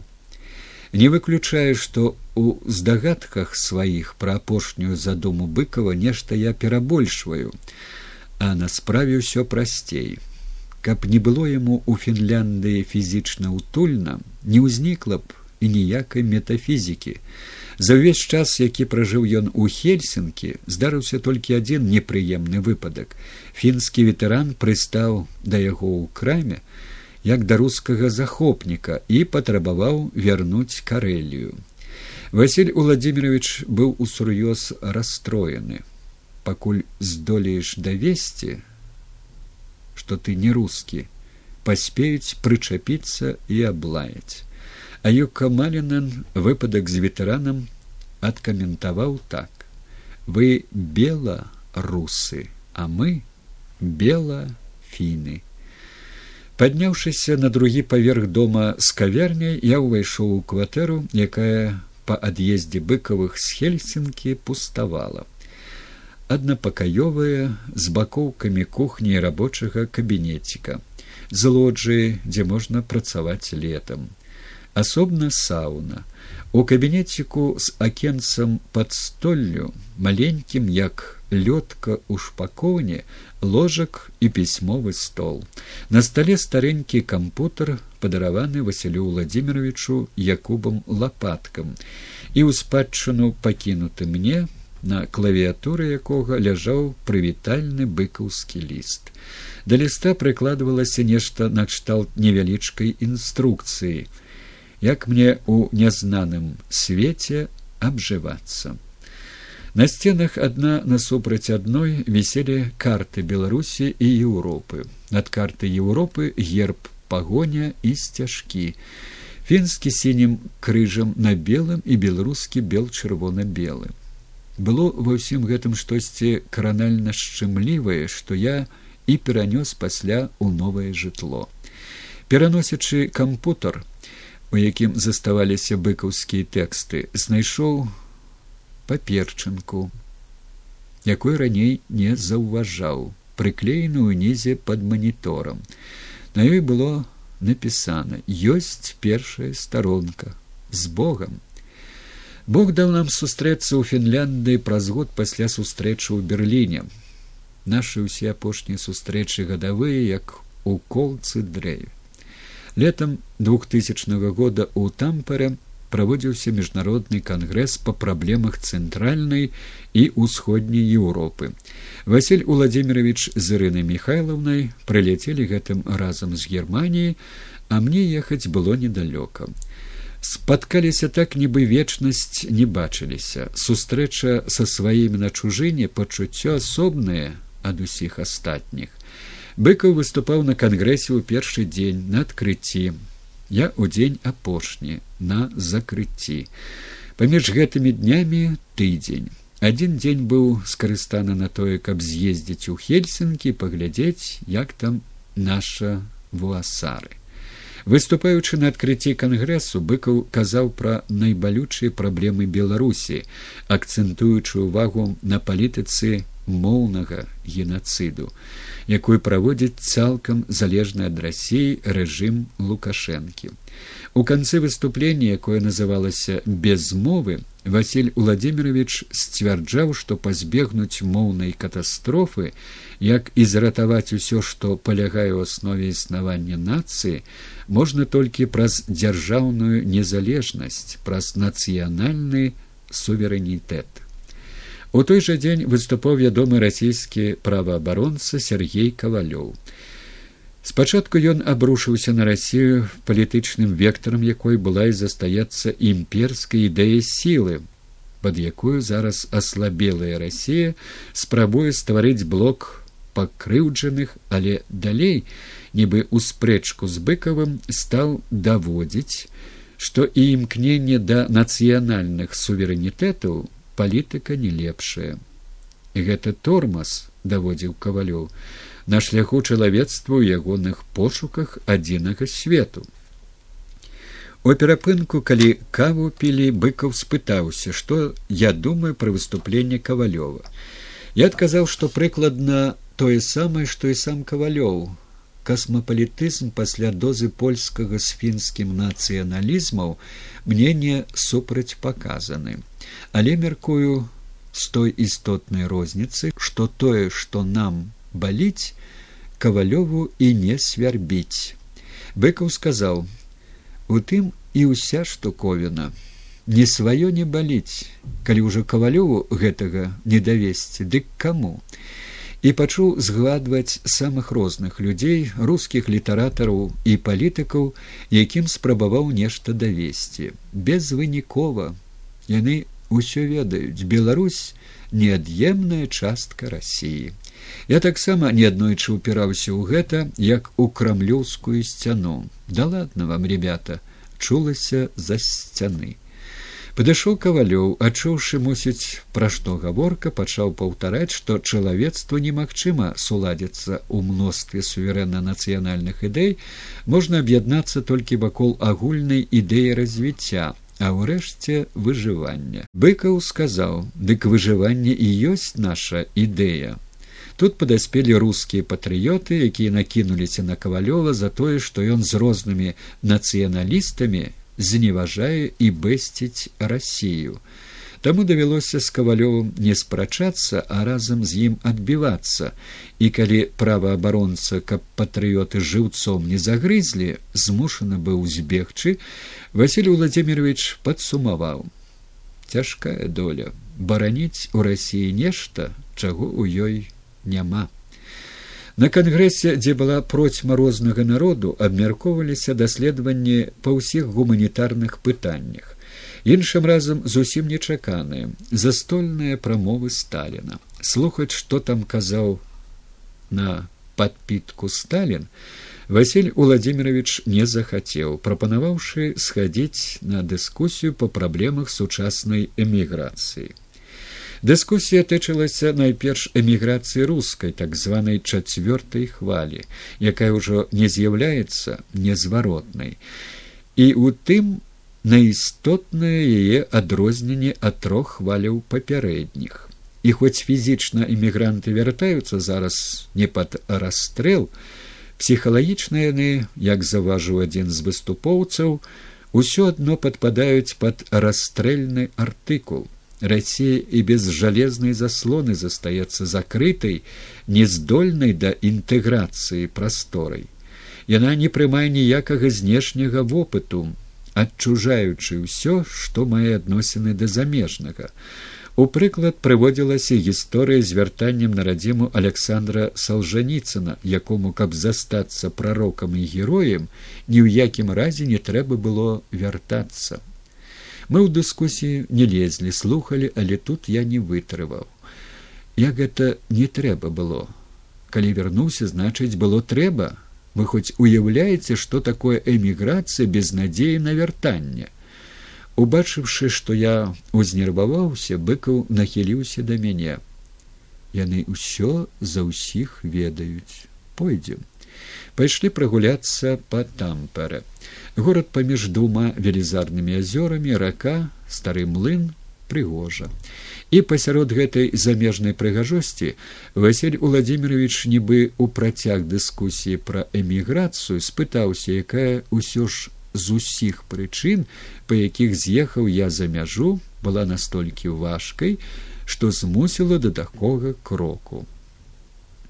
Тут жа у нечым сказаў ён адчай здалося ён і мяне і трохі сябе шкадуе. У германії як пасля і ў чэхі было ему не надта утульна мы стаялі на мосце вода шумела под нами і ў шум вады я стаў расказваць як яно было і як паасобку ўсё выглядала драбязой а склаўшыся ў адно сталася прычынай. І я назваў яе ў паэме паланез напісаная ў варшаве. Лірычная гераіня паэмы не разумее чаму лірычны герой пакінуў радзіму дапытваецца. Скажы скажы дзеля чаго зрабіў ты гэта? І той адказвае найперш каб заратаваць паэта для мяне гэта і прычына больш чым дастатковая і адказ вычарпальны да якога нічога не трэба прыплятаць. Ды той для мяне а для астатніх Вось для вас я спытаў гэтага дастаткова і ён гледзячы ў ваду кіўнуў. Я так зразумеў што дастаткова. І для яго мне не трэба нічога прыплятаць. Пра магчымы арышт альбо пра нешта яшчэ. Праз паўзу ён попрасіў прачытаць што небудзь з паэмы. Гэта быў адзіны выпадак калі я чытаў яму верш. У тамперы пад шум вады пасля загаварылі бо пра гэта паэма пра беларус пра яе шлях. Быкаў сцвярджаў што беларусь мела не тое што гістарычны шанс а прапанову гісторыі стаць еўрапейскай краінай і прапанову не скарыстала шанс незваротна страціла незваротна бо двойчы да прапаноў сваіх гісторыя не вяртаецца і цяпер застаецца толькі разбірацца як мы шанс той страцілі і чаму. Штосьці падобнае я чуў ад яго і раней бачанне будучыні беларусі было ў яго ў апошнія гады не надта радаснае. Але ўпершыню ён сфармуляваў гэта настолькі катэгарычна. Гістарычны шанс стаць еўрапейскай краінай беларусь страціла незваротна я стаў спрачацца прынамсі сказаў калі будзем разбірацца як страцілі і чаму дык будзем пісаць а будзем пісаць дык будзем мець літаратуру а будзем мець літаратуру будзем мець беларусь і наогул беларусь можа і ёсць тое што ўвесь час мы знаходзім і страчваем страчваем і знаходзім. Чаму краіна радзіма абыякова павінна быць у геаграфічных межах быкаў падумаўшы сказаў што гэта ува мне эмігранцкае і дадаў вядомае пра пыл радзімы які не панесці на падэшвах ботаў. Дзіўна але назаўтра тую самую фразу пра пыл радзімы на падэшвах ботаў мы абодва пачулі ад бежанкі з былой югославіі якая выступала на дыскусіі па правах чалавека. Ад яе як і ад бежанцаў з іншых краін мы такога наслухаліся што з нашымі праблемамі не параўнаць. Я і выказаў гэта як выснову. У параўнанні з імі няма ў нас ніякіх праблем. Пыкаў змушана згадзіўся але тут жа заўважыў. Калі тое што з выбухам і агнём робіць бомба параўноўваць з тым што ціха і незаўважна робіць радыяцыя дык здаецца нібы з радыяцыі няма праблем толькі яно не зусім так. І нават наадварот. Выступаючы на закрыцці кангрэсу я казаў пра старое права сілы як новы прынцып геапалітыкі параўноўваючы дзеянні амерыкі ў югаславіі і рассіі ў чачні падобныя тым што насіллі ў іх скарыстоўваюцца нібыта ў імя перамогі над насіллем так можна апраўдаць любую кроў ісці далей і далей яшчэ не было іраку бо ўвесь свет скразное насілле але чамусьці заўважаецца яно толькі там дзе ёсць інтарэс. І калі я чую як такія дзеянні апраўдваюць не палітыкі і генералы а як здаралася оно на кангрэсе гуманітарыі успамінаю прымаўку папаў у вараны дык каркай як яны і разумею што бачачы як беларусь праглынаецца рассіі ніхто асабліва і не каркае бо няма інтарэсу Выступленне не спадабалася ні інтэлектуалам з захаду, бо агульная палітычная танальнасць кангрэсу была праамерыканская, не інтэлігентам з усходу. Не дачакаўшыся апладысментаў, я пакінуў трыбуну і тут убачыў са сцэны Васіля Владимировича. Ён ставяў у самым канцы залы, высока ўскінуўшы руку і ўзняўшы вялікі палец. На яго пачалі азірацца. І ўрэшце пачуліся рэдкія воплескі. Ці мне ці яму? Развітваліся ўвечары ў кавярні каля вакзала. Составілі два столікі каб разам сесці василий владимирович з ірынай михайловнай якуб лапатка які прыехаў некалі ў хельсінкі на паўгода і застаўся ці не назаўсёды Аліна бельская, якая апынулася ў эміграцыі першакурсніцы універсітэту. Я, моя дачка Ева, вось і ўсе беларусы, што знайшліся на той час у Фінляндыі. Мы нацыя маларухомая, зрушваемся толькі ад нявыкруткі, калі інакш няма як. Можа, прастое і маем, што маем, але паціху паціху, заварушыліся пайшлі паехалі зараз у фінлянды беларусаў ужо больш нават створана беларускае таварыства василь владимирович не хацеў развітвацца усяляк адцягваў развітанне браў яшчэ віна.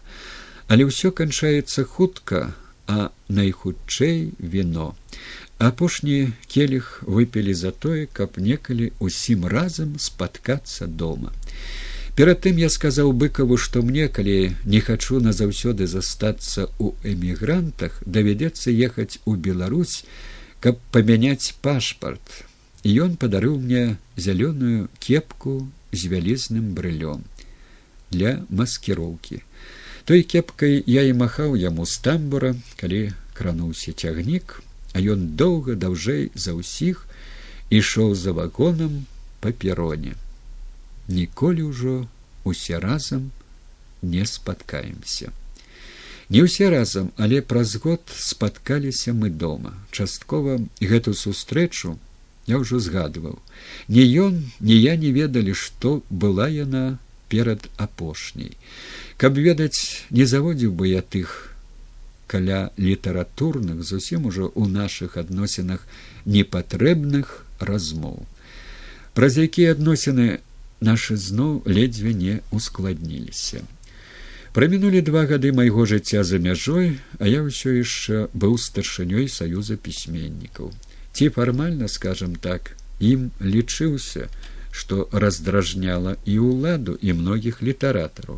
Было прынята рашэнне правесці нечарговы пісьменніцкі з'езд, каб перабраць старшыню быкаў у тэлефонных наших перамовах не раіў мне ехаць на з'езд назваўшы некалькі прычын па якіх я не павінен гэтага рабіць. Усе яны у тым ліку і перасцярога што з хельсінкі мяне сустрэнуць горш чым з берліну былі слушнымі але я назваў дзве прычыны па якіх ехаць павінен. Першае быць на з'ездзе я маральна абавязаны. Другая тая хоць ужо дастаткова першай што склікаецца з'езд перад прэзідэнцкімі выбарамі, а значыць, пісьменнікам трэба наконт іх выказацца, заявіць сваю пазіцыю, чаго без штуршка баюся не адбудзецца. Быкаў пераконваў мяне, што гэтага не адбудзецца і са штуршком, але ўрэшце сказаў, што ўсё адно на пачатку лета збіраецца ў Менск, Дык чаму б і не трохі раней на з'езд, каб хоць пабачыцца з тымі, каго даўно не бачыў. Я разлічваў на быкава на з'ездзе, ды ехаць яго адгаварылі. Як наогул адгаворвалі браць удзел у любых мерапрыемствах саюза пісьменнікаў пасля таго, як ён стаў прэзідэнтам беларускага пэн-цэнтра. Розныя парафіі калі ствараўся беларускі пэн папярэдне абгаворвалася хто ім можа быць. Статутнае патрабаванне да сяброў міжнароднага пэна агульнае для ўсіх нацыянальных цэнтраў былі такімі што адпавядаў ім хіба толькі літаратар адліты з крышталю. А ў нас склаўся спіс чалавек з трыццаці, і я выказаў сумненне, што хоць нехта ў спісе, уключна са мной крыштальны. Быкаў сказаў: « Ну і добра, што не крыштальныя. Будуць біць, дык не паб'юцца. Пэнаўцам і праўда дасталося, прычым з усіх бакоў. Як міжнародным і чамусьці сіянісцкім шпіёнам. Найбольш, канешне, даставалася быкаву, якога называлі агентам 01 па нумары пэнаўскага пасведчання. Я ўжо як агент 07 праходзіў. Пэнаўскі джеймс бонд. Апошнім часам можна пачуць нібы стварэнне пэна было расколам саюза пісьменнікаў які ж раскол калі нічога не раскалолася? Сябры пэна заставаліся застаюцца сябрамі саюза але гэтаксама застаецца крыўда тых хто толькі ў саюзе на тых хто яшчэ і ў пэне якая пачалася з пытання а чаму ён ці яна а не я? Хоць у пэне ніхто не лепшы як нідзе ніхто не крыштальны. На перадз'ездаўскім паседжанні рады саюза пісьменнікаў я прапанаваў праект заявы якая складалася з двух пунктаў У пункце першым з'езд заяўляў, што Александр Лукашенко, які незаконна ўтрымлівае ўладу ў Беларусі з ліпеня 1999 года, не мае права вылучацца кандыдатам у прэзідэнты Рэспублікі Беларусь.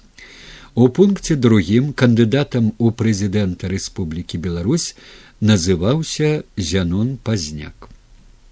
Праект заявы нават абмяркоўваць не сталі як нерэальны. З'езд маўляў арганізацыйны і не да палітыкі. Заяву і на з'ездзе як я і не настойваў не паставілі на галасаванне. Хоць змест аднаго пункту ў ёй перайначыўся бо позна ўвечары амаль ужо уночы перад з'ездам мне пазваніў з варшавы зянон станіславович і попрасіў не называць яго на імя у якасці кандыдата ў прэзідэнты беларусі. Патлумачыўшы што публічнае вылучэнне ад саюза пісьменнікаў можа абавязаць яго да ўдзелу ў выбарах а ён не гатовы арганізацыйна ды наогул гэта немагчыма і я ведаю па якой прычыне Ён у варшаве мне даводзіў, што як толькі перасячэ мяжу, яго ці арыштуюць ці знішчаць. Хоць пры першай нашай сустрэчы сказаў, што збіраецца ехаць. Не дык не. Зянун станіславович мусіць думаў, што пісьменнікі за яго, як за адзінага сапраўды нацыянальнага палітыка, руками і нагамі прагаласуюць гэтаксама як я меркаваў перапісваючы тэкст заявы што адкрыта прагаласуюць за любога дэмакратычнага кандыдата супраць лукашэнкі. Абодва мы памыляліся пажыўшы за мяжой адарваліся так бы мовіць ад жыцця. І ад жыцця такога разбалеўся мне зуб.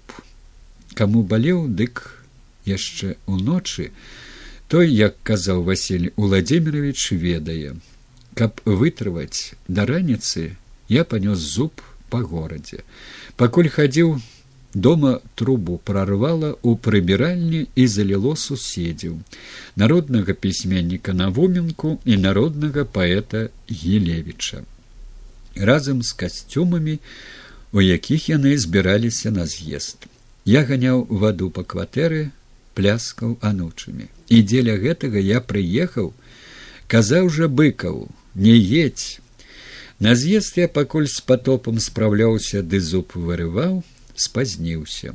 Мог і зусім не прыходзіць старшыню пераабралі не прыняўшы ніякіх дакументаў.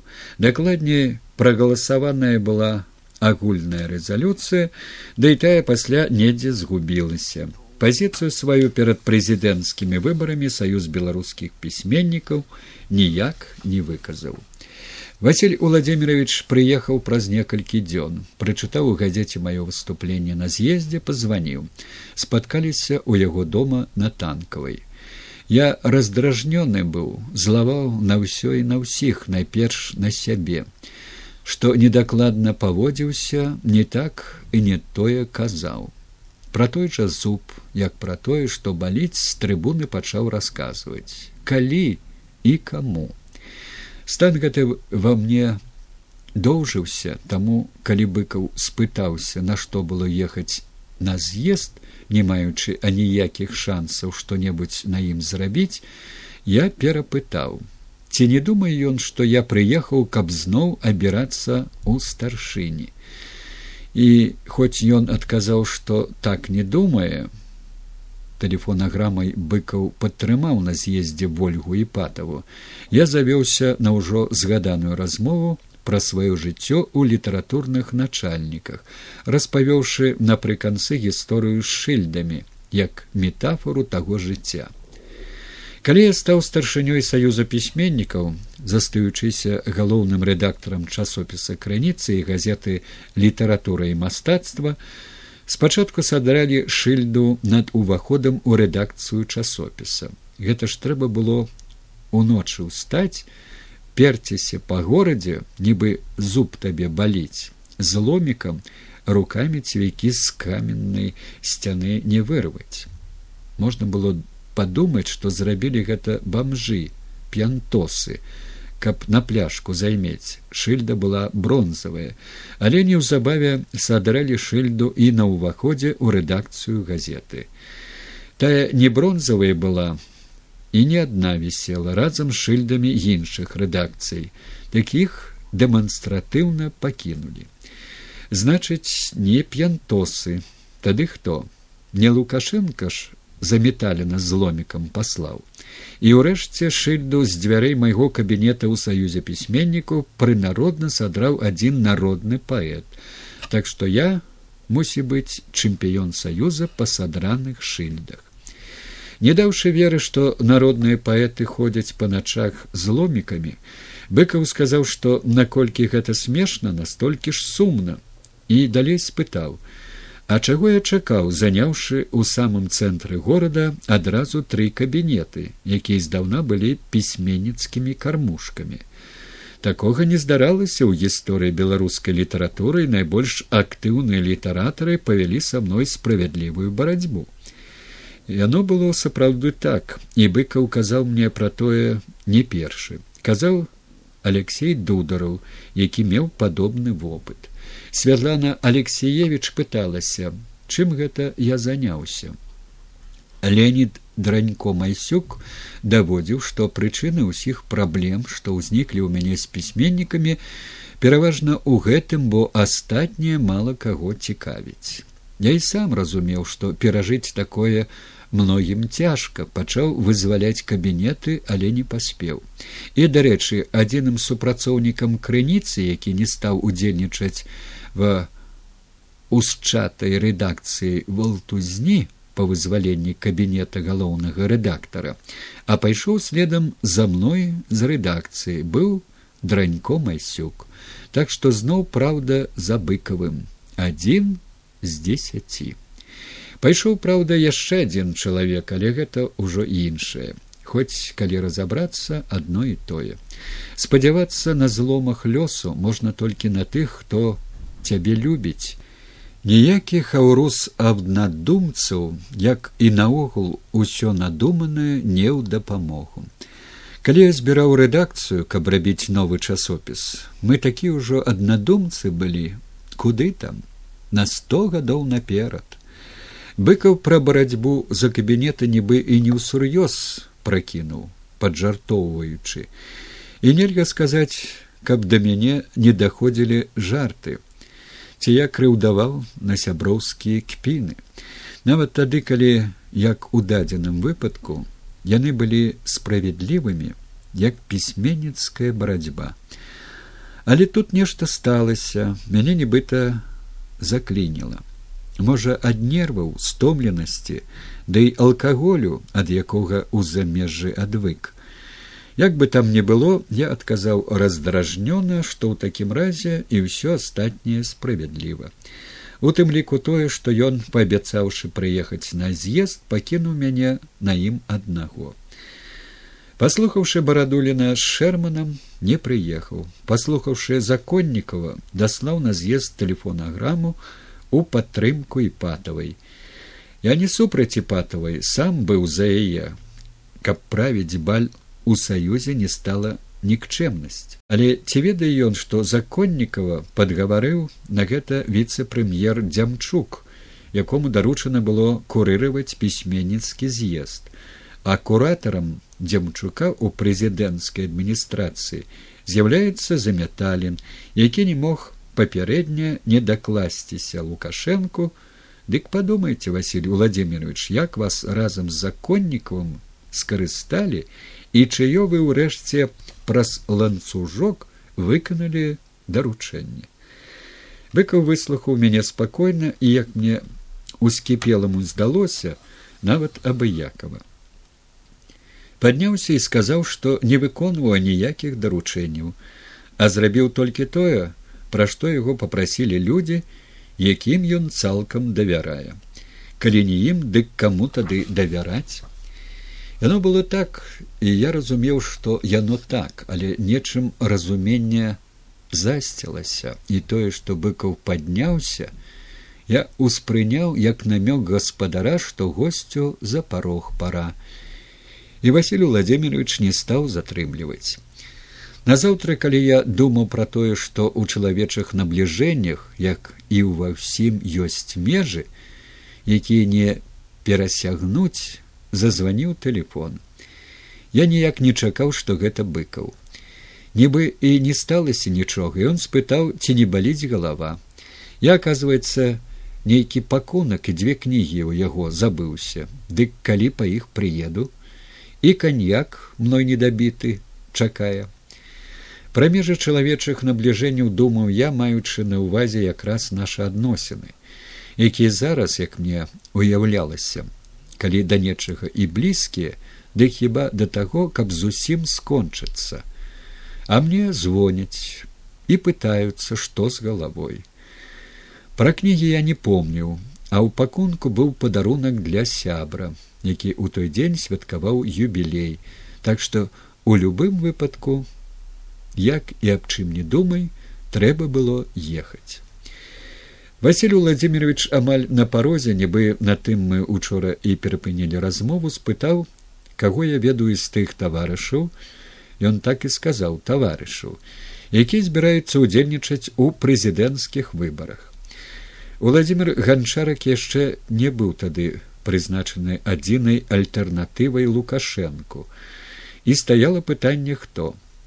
І я так зразумеў што нехта гэты самы хто шукае у быкава падтрымкі. А можа і не адзін з гэтых хто? Самых розных. Найлепшай кандыдатуры мне уяўляўся сямён домаш якога потым саратнікі па барацьбе што называецца пракінулі.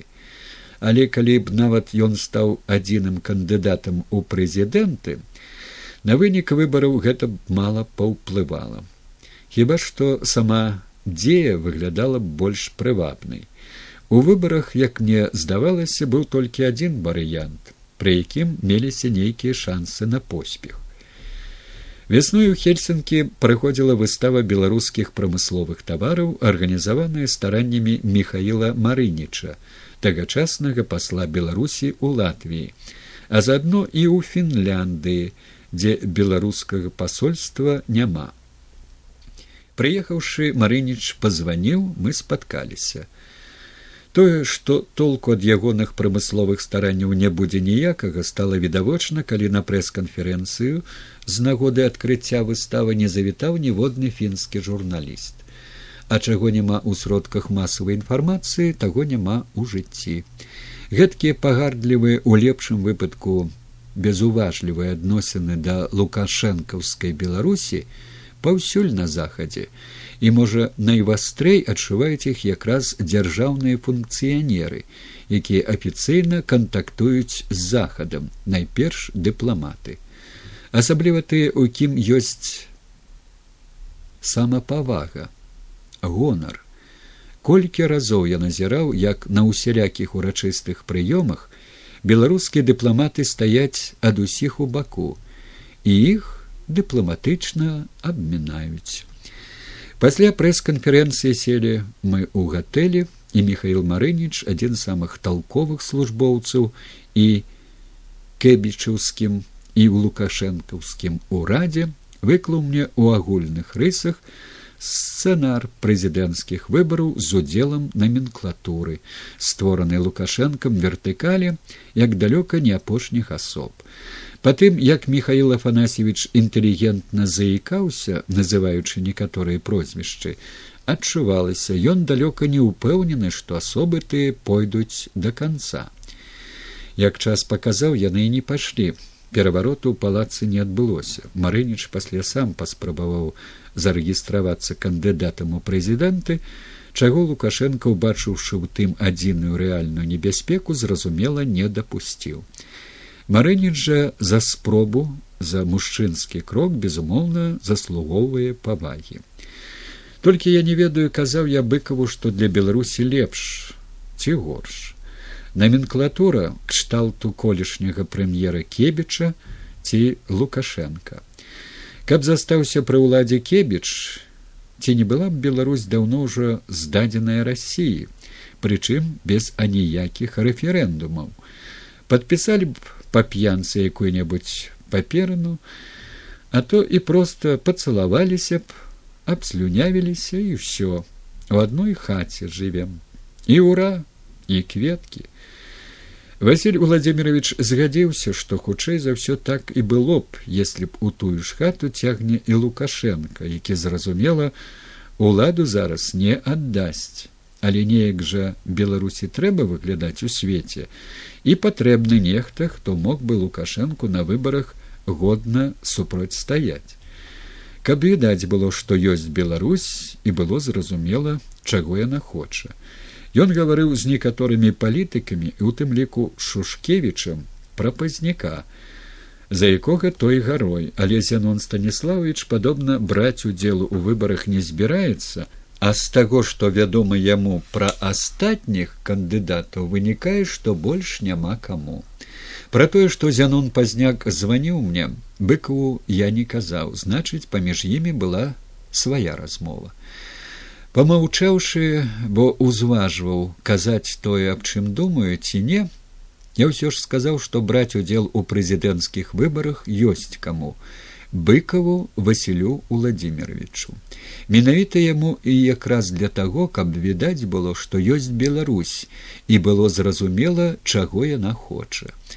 І не зараз я гэта прыдумаў. Шмат з кім раней абгаворваў чуючы в адказ ад многіх як скажам ад юрыя хадыкі што так было б найлепш. Ды маўляў няма чаго і думаць пра гэта бо василь владимирович ні за што не згодзіцца яшчэ пакуль я дагаворваў василь владимирович наліў мне кілішак а калі я скончыў прапанаваў выпіць за хадыку як за разумнага чалавека. Жэст канешне красамоўны і ўсё ж я не перакананы што адказ на тое пра што я казаў быў у тым жэсце увесь цалкам. Да гэтай пары не ўпэўнены таму і даводзіў юрую викторовичу за якога выпіў як за разумнага чалавека што калі б ён не сам насам паразмаўляў з быкавым а прыйшоў да яго ад усіх з агульным рашэннем дык хто ведае былі ж выпадкі калі быкаў угаворваўся. Тады можа быць як сказаў мне потым хлапчук які быў сярод тых хто дзень і яшчэ ноч у палацы прафсаюзаў пратэставаў супраць афіцыйных вынікаў выбараў я б ганарыўся тым што галасаваў за быкова а дзве кнігі пра якія василь владимирович сказаў нібыта я забыўся іх разам з пакункам забыць я не мог бо не прыносіў. Гэта былі ягоныя надпісаныя ім кнігі надпіс на адной з якіх пачынаўся. Міламу пакутніку чаму ён мяне ў пакутнікі залічыў не ведаю. Сам сябе я пакутнікам не лічыў і не лічу.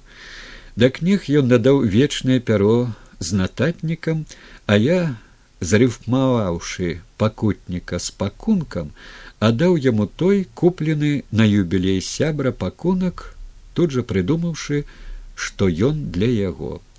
І каб ён распакаваў яго на дзень нараджэння. Што ў пакунку хай застанецца паміж намі. Гэта была апошняя дзея о той прад апошняй нашай сустрэчы. У фінлянды хворым на рак дактары кажуць усё як яно ёсць. У тым ліку тое колькі прыблізна засталося. Можа для таго каб збіралі людзі ў вечнасць дараблялі галоўнае і не гублялі час на драбязу. Калі сёння азірнуцца на апошнія гады жыцця васіля быкова дык падобна на тое што ён збіраўся. Пачаўшы збірацца гады за два а пазней ужо адчуўшы першыя імпульсы болю адмаўляўся абследавацца. Як ёсць казаў так ёсць.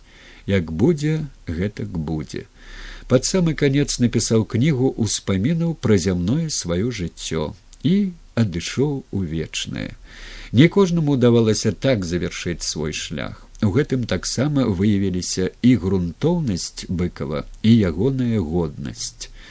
У той дзень калі ў шпіталі ў празе яму зрабілі безвыніковую аперацыю разрэзалі і зашылі я ў хельсынкі дапісаў роман лабух Паставіўшы кропку ў якой-небудзь працяглай рабоце, адразу адчуваеш стомленасць, якой не заўважыў, пакуль пісалася. Таму у бліжэйшы час нешта новае пачынаць я не планаваў, як толькі быкаў зазбіраўся з чэхі да хаты, зразумела было, што паміраць я таксама вырашыў ехаць, каб даўжэй побач пабыць, падтрымаць, пагаварыць, колькі там засталося. Чэшскія дактары пастанавілі, што засталося месяца тры. Самому Васілю Владимировичу пра тое не казалі, але ён я ўпэўнены калі не ведаў дык здагадваўся прачуваў яшчэ да аперацыі. Была ў нас адна размова тэлефонная не наўпрост пра гэта але яна складалася як бы з дзвюх размоў разнесеных у часе. Першая адразу па смерці Віктора астаф'ева гэткага ж сапраўднага як і быкаў пісьменніка аднаго з найлепшых у рускай літаратуры. Яны былі аднагодкамі фронтавікамі блізка сябравалі я пазваніў каб паспачуваць быкаў зняў трубку і як толькі я павітаўся і спытаў што чуваць закашляўся астмай. У мяне тэрмін да студзеня я да яго вы пра што? Вы што василий владимирович? Аказалася ён пра тое што ў германії жыць яму да студзеня а далей невядома. Калі чэхі з запрашэннем у прагу не парупяцца. А вось для астаф'ева рупіцца ён ужо ведаў што Віктор петрович памёр ні ў чым і нікому болей не трэба таму смерць для сучаснага пісьменніка асабліва былога савецкага найлепшы стан. Адчувалася што перад маім званком василь владимирович з нейкім напружана пагаварыў. Не гатовы да такога павароту ў размове я заўважыў асцярожна што ў гэтым сэнсе смерць найлепшы стан для кожнага а не толькі для пісьменніка. Былога савецкага ці не былога але для пісьменніка настойваў быкаў якому нехта ў нечым дапёк найперш. І спытаў ці памятаю я сустрэчу з виктором петровичем у москве у цэнтральным доме літаратара я памятаў гэта было незаўбаю пасля апошняга з'езда саюза пісьменнікаў ссср тады ўсе разбіраліся што і як рабіць з агульнай пісьменніцкай маёмасцю. Завіхаліся каб нешта ўхапіць а збоку ад усяго у кавярні за невялічкім столікам да якога запрасілі мяне прысесці астаф'ев дапытваўся ў быкова ці не думае той што пісьменніцтва грэх бо пісьменнік стварае ілюзіі падмены жыцця і калі яны абрушваюцца пад іх руінамі гінуць людзі якія поверылі у тыя ілюзіі як у рэальнасць. А пісьменнік стварае новае і з гэтага жыве. Дык хіба не грэх помню як здзівіла мяне і сама гаворка і тое што гавораць пра гэта два якіх называлі акопнікі пісьменнікі у творчасці якіх калі чаго небудзь і не стае дык гэта ілюзій. Быкаў жа адказваў што ілюзію ўсё што ў пісьменніка ёсць. Нічога іншага чым і з чаго можна было б жыць бог не даў дык не можа быць каб грэх быў дадзены наўмысна. Гэта быў адзіны выпадак калі я чуў каб быкаў згадаў бога як сілу якая нешта вызначае. І ў быкаўскай прозе між іншым бога не знайсці. Усё вызначаюць чалавечыя фізічныя і псіхічныя сілы разам з якімі ці супраць якіх сілы прыроды ветры сцюжы навальніцы а бога няма. На кангрэсе ў тампара быкова попрасілі выступіць на секцыі дзе дыскутаваўся ўплыў які аказалі на сусветную літаратуру толстой і дастаеўскі. У дыскусіі шмат казалася пра толстога і бога. І выступленні сваім василь владимирович нечакана во всякім разе для мяне выказаў меркаванне што пад канец жыцця для толстога як перад тым для ніцша бог памёр. І ў такім разе лагічнымі выглядаюць усе апошнія дзеянні толстога ажно да ягонага сыходу. Нагадаўшы тую даўнюю сустрэчу ў москве з астаф'евым быкаў сказаў што астаф'ю не так даўно яшчэ і у лісце напісаў яму пра грэх пісьменніцтва. Значыць яно сидзела у ім балела. Чаму? Я не ведаў.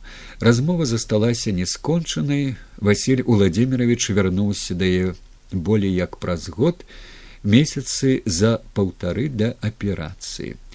Сказаўшы што астахю для якога і ў жыцці ў творчасці над усім была мараль якая на вачах распадалася насуперак ягоным высілкам меў рацыю ў развагах пра грэх і нездарма мучыўся. Бо гэта прыкладна тое ж чым мучыўся толстой пра што і сышоў з вядомай ва ўсім свеце яснай паляны на безыменную станцыю. Ды ўсё як заўсёды позна. Калі ўжо да самай смерці нічога не застаецца апроч гэтак падобнай на жыццё што здаецца самім жыццём гульні у ілюзіі у літаратуру. Збіраючыся ў менск я перабіраў паперы і зачапіўся за некалькі вершаваных радкоў. Іх шмат было недапісаных вершаў але чамусьці выбраліся леглі перада мной менавіта тыя радкі Я прысеў да стола, каб хуценька дапісаць іх і дапісваў, не адрываючыся з канца красавіка да сярэдзіны чэрвеня. Амаль не спаў, такая была энергія, што сышла з нябёс. Гэта быў той блізкі да наркатычнага стан, дзеля якога толькі і варта займацца літаратурай, паэзіяй, наогул творчасцю і мне ўсё адно было грэх гэта ці не грэх. Не бог ці д'ябал дыктуе мне тэкст які я ледзьве паспяваў записывать так нібыта сама напісалася паэма ложак для пчалы у нейкія дні я вынырнуў з ілюзій у рэальнасць. Тады званіў прафесару геннадію міколаевичу мурав'ёву шпітальнаму доктару быкова ён паведамляў мне што што там і як? Позваніўшы апошні раз калі ўжо дапісаў паэму я пачуў што пора ехаць застаўся можа тыдзень у менская быў раніцай семнадцатого чэрвеня і кінуўшы дома рэчы адразу паехаў у баравуляны па дрозе купіў на камароўцы ружу і суніцы на сунічніку спелыя пахкія толькі што з лесу Василий Владимирович ляжаў на высокіх подушках, збялелы, схуднелы, знясілены хваробай. Відаць было, што ён на мяжы. Праглынуўшы камяк у горле, я ледзьве прагаварыў, што аб заклад гатовы пабіцца. Ён даўно не быў у суніцах, прастое і прыхварэў. Падаў букетик, ён сарваў ягаду, праўда, даўно подключаны да жыцця трубкамі і дратамі ён не ўставаў я нахіліўся пацалаваліся Вочы ў яго былі жывымі, яснымі, пранізлівымі. Такімі яны потым і наплывалі на мяне ў сне, якім распачаў я ўспаміны з паглядам з болю. Укалоўшыся нібы чарговай стрэмкай ружай, я аддаў яе Ірыне Михайлаўне, якая гаспадарыла ў шпітальнай палаце і сказаў Васілю Владимировичу, што пісаў нядаўна адну рэч паэму і ўсё думаў, што ж на гэтым свеце чалавеку трэба. Ну, урэшце рэшт, але так і не датумкаў. Дык вось прыехаў спытацца ў яго, як ён думае.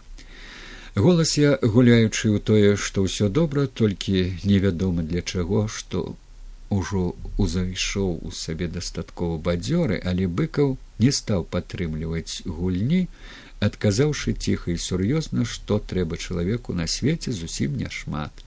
Адно жыццё, адна смерць, адна кветка. Прысеўшы да яго на ложак, я попрасіў прабачэння за тое, што аднойчы павёўся не лепшым чынам, змусіўшы яго гэта заўважыць і ўслых пра гэта сказаць. Ён адвярнуўся да сцяны, помаўчаў, пасля сказаў: « Дякуй, володя. Я ў той дзень быў у яго доўга. Гэтая апошняя наша сустрэча стала сюжэтам прыпавесці чмель і вандроўнік, напісана адразу пасля смерти Васіля быкова. Там сказано пра ўсё наістотнае у тым ліку пра тут згаданае так што не варта паўтарацца. Паколькі адчуваю што паўтаруся горш там усё дакладней. Бо жывымі былі як кропелькі крыві на парэзе эмоцыі. Под развітанне василий владимирович спытаў ці ўзяў я з сабою роман пры якім казаў по тэлефоне што ўжо дапісваю. Каб пакінуў калі дапісаў ён хацеў бы пачытаць рукапісы і рамана і паэмы былі ў мяне ў сумцы у якой я палез і дастаў каньяк не літаратурай жа яму перад смерцю галаву тлуміць прафесор мурав'ёў які то выходзіў з палаты то вяртаўся да нас ледзь не за руки мяне схапіў ні ў якім разе. Я наліў дзве чаркі прафесор забыкова василь владимирович кіўнуў я з вами і за вас сімвалічна калі я выходзячы азірнуўся быкаў прыпадняў руку падняць сіл не хапала і ўзняў вялікі палец як некалі у тампаре. І з гэтым жэсам між намі зачыніліся дзверы навечна не? Таго не ўведаць усё добра толькі невядома для чаго. Выйшаўшы я спытаўся мурав'ёва ці балюча быкаву? Рэальна фізічна.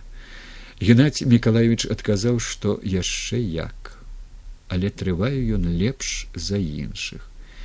Яшчэ я спытаў ці былі якія спробы з боку ўлады яго наведаць каб зрабіць нешта дапамагчы ці хоць бы пакуль жывы развітацца. Я ўжо не кажу павініцца прабачэнне попрасіць тут віце-прэм'ер адзін ляжыць кіўнуў на нейкія дзверы геннадзь міколаевич дык у таго штодня уладныя наведвальнікі. А што да быкова пазваніў аднойчы урал латыпаў кіраўнік прэзідэнцкай адміністрацыі спытаў калі можна наведаць. Я так і не зразумеў ад цябе ён ці ад некага і што? І ўсё скончыў муравёў больш нічога. Геннадзь міколаевич мурав'ёў пазваніў мне з работы двадцать другога чэрвеня увечары недзе пасля шасцей сказаў што ў яго праблема якую ён не ведае як вырашыць і хацеў бы са мной сустрэцца каб параіцца.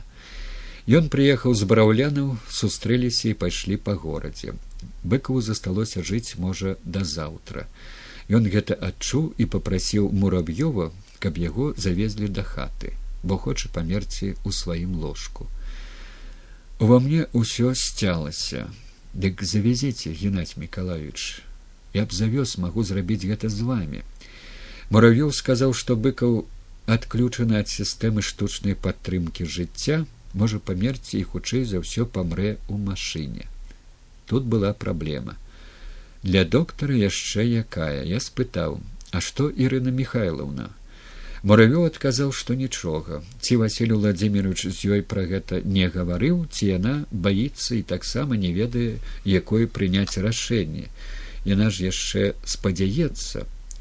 Я сказаў мурав'ёву што канешне ўзяць такое на сябе ён не можа а сам вырашыў паехаць і пагаварыць з ірынай михайлаўнай не паспеў. По дарозе забегшы дамоў перапрануцца зазірнуў на ніла гілевіча просто словам перакінуцца бо раптам стала ўсіх шкада а ён гаротна адзіноціўся.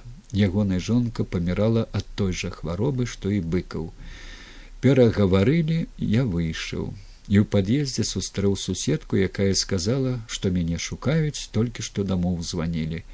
Василь владимирович памёр было каля девяти вечара. Суседкай якая паведаміла мне пра смерть василя быкова была пляменніца владимира караткевича можа і няма у тым нічога але нешта ёсць. Асабліва калі прачытаць ва ўспамінах быкова як не даваў яму караткевич сумаваць суцяшаў ва ўсіх жыццёвых клопатах і казаў што абодва яны ў кнігах сваіх будуць жыць у народзе дадаючы праўда што сам народ калі таго не захоча можа і не жыць. Разумеючы што з пахаваннем быкова будзе ўсё далёка непросто я пастанавіў сабе а ні што не ўлазіць. Каб захаваць той унутраны спакой і для мяне самога дзіўную і нязвыклую гармонію якую стварыла ува мне нядаўна напісаная паэма Гэта быў якасна новы стан, які баяўся я разбурыць, не усвядоміўшы, што ён такое. У тым стане і смерць быкова успрыняў я даволі спакойна.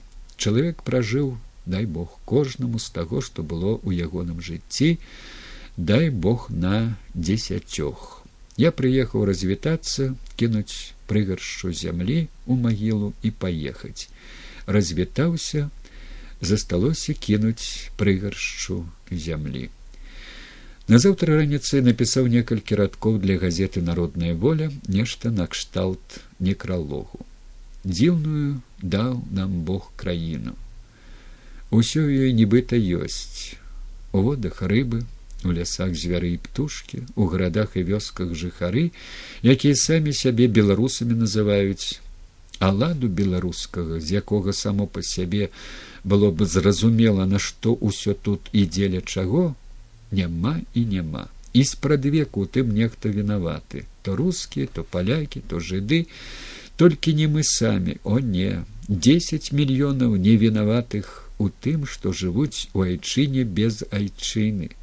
На таямнічай зямлі з цьмянай нібыта чужой гісторыяй і замглёнай нібыта не сваёй будучыняй але былі і ёсць людзі якія жылі і паміралі адчуваючы сябе у тым вінаватымі. За сябе і за ўсіх. Бо жылі каб жыла айчына былі каб была будучыня якая як вядома пачынаецца з мінулага але не з цьмянага і з не замглёнага і не з чужога а са свайго. Менавіта по таких людях по іх абрысах паціху паціху распазнае сама у сабе беларусь. І распазнаная ў сабе распазнаецца ў свеце яна дадаецца імі да свету. І свет не такі ўжо вялікі і ні на што апроч людзей небагаты дадаецца імі такімі людзьмі да таго што зрабіў для беларусі для гонору яе і славы василь быкаў нельга нічога дадаць апроч бессмяротця саюза пісьменнікаў пазваніў алесь пашкевич попрасіў прыйсці. Яны там сабраліся з пахаваннем праблемы. Некага бачыць і гаварыць з некім менш за ўсё мне хацелася але калі пашкевич абіраўся у старшыні я трохі ў тым спрыяў яму і абяцаў у чым змагу дапамагаць Там шмат было народу і яшчэ болей шуму. Нехта прынёс чутку, нібы ўлада хаваць быкова адмовілася. Крычалі, што і добра самі пахаваем. Але за што? У пісьменнікаў грошай няма. Прадстаўнікі апазіцыйных партый таксама развялі рукамі. Гэткі звыклы гвалт без аніякага выніку. А да ўсяго владимир орлоў абвясціў што мае інфармацыю з цалкам дасведчанай крыніцы. Улады збіраюць пахаваць быкаву у самым канцы маскоўскіх могілкаў недзе ў балоце. Я пазваніў мікалаю чаргінцу мяркуючы што ён як адзіны пісьменнік ва ўладзе павінен мець ад яе адпаведнае звязанае з пахаваннем даручэнні Ён іх і меў, з'явіўшыся гэтак хутка, нібы чакаў званка недзе паблізу ад дома літаратара. Стаў усіх супакойваць. Наконт пахавання распрадзіўся лукашенко, чаго ніхто не можа адмяніць. Тады я прапанаваў з'ездзіць на могілкі, каб ён паказаў месца, дзе будзе пахаваны быкаў. Паехалі ў трох чаргенец я і рыгор барадулін. Месца было там, дзе належала яму быць непадалёк ад усіх пісьменніцкіх магіл. Нешта на тым месцы ува мне як іголка кальнулася, пранізала. Я стаў на калені і пацалаваў зямлю, у якую пакладзецца Васіль быкаў. Падняўся упэўнены, што ўсё будзе добра. быкова пахавае Бог. У дом літаратара вярнуліся зноўку у крык. Я ўжо набраў паветра ў грудзе, збіраючыся, каб сціхлі ўсе таксама закрычаць. І тут адбылося тое, чаго дасюль я не разумею. І што мне, каб таго не бачылі яшчэ десяткі два чалавек, цяжка было паверыць. Адзін з трох партрэтаў быкова, з якіх выбіралі надмагільны, якія стаялі на паліцы ўздоўж сцяны, да якіх не падыходзіў ніхто не кранаў, дык вось адзін з іх зашклёны сам пахіліўся, нібы прыпадняўшыся і плазмам ляснуўся аб падлогу. Усе знямелі. Быкаў прасіў мяне ў шпіталі ўсё зрабіць, што здолею, каб найцішэй было рыгор барадулін казаў што пра тое самае і яго прасіў. Калі мы пра гэта забыліся напомніў. З таго моманту я стаў адчуваць пахаванне быкава як нешта містычнае. Успрыняўшы тое што сталася з партрэтам яшчэ і як знак для мяне асабіста бо ў шпіталі распавядаў василю владимировичу пра падобны амаль гэткі ж выпадак только не с партрэтам з абразом мне стало неяк велічна страшно. І далей ужо ані ў што я не лез. Нават не паехаў у дзень пахавання забіраць нябожчыка з бараўлянаў. Бо з гэтым таксама не маглі канчаткова дамовіцца спачатку збіраючыся дамоў яго на адпяванне весці а пасля перадумаўшы девятый паверх надта высока але бог вышэй за девятый паверх і ён не перадумаў зрабіўшы ўрэшце так як прасіў быкаў. Пасля адпявання ў доме літаратара калі стала відавочна што пахаванне василя быкова будзе неўладна дзяржаўным под чырвона зялёным сцягам а народна нацыянальным под сцягам бел чырвона белым поступіў загад каб нікога з прадстаўнікоў улады на паніхідзе не было. І пабеглі ўсе хто з пагонамі хто без. Схлынула з пахавання ўся нечыстая сіла. І плыла над апошнім зямным шляхам василя владимировича светлая за блокамі і птушкамі цішыня. Калі на паніхідзе уключылі запіс з голасам быкова та іголка якая кальнулася над будучай магілай василя владимировича раптам напалам разламалася упілася ўсімі чатырма канцамі. Гэта ўжо былі не стрэмкі нешта іншае бо забалела зусім інакш. І я раптам так сябе адчуў як згубіў крэўна блізкага чалавека. І ўжо амаль нічога не чуў і не бачыў нікога пакуль не падштурхнуў нехта. Трэба несці труну. У часовым маім жытле у кватэры у якой жыву я у хельсінкі вісіць на сцяне карціна якая мне не належыць. Яе ў канцы 1999 года з хельсінкі ад'язджаючы разам з геаграфічнымі картамі еўропы і беларусі са сцяжкамі над імі і гербам пагоня пакінуў василь быкаў. На карціне зімовае дрэва хутчэй нават заснежаны куст і на ім чырвоныя снегеры яны рассыпаны на ветці так што ніяк не злічыць колькі іх. Один раз палічыш сямнадцать другі шестнадцать трэці зноў сямнадцать калі у адной з тэлефонных размоў гледзячы на карціну я спытаў быкова ці заўважаў ён такое дзіва? Ён адказаў што заўважаў. І няма у тым нічога дзіўнага. Просто адзін снегер то адлятае то вяртаецца город хельсинки финляндия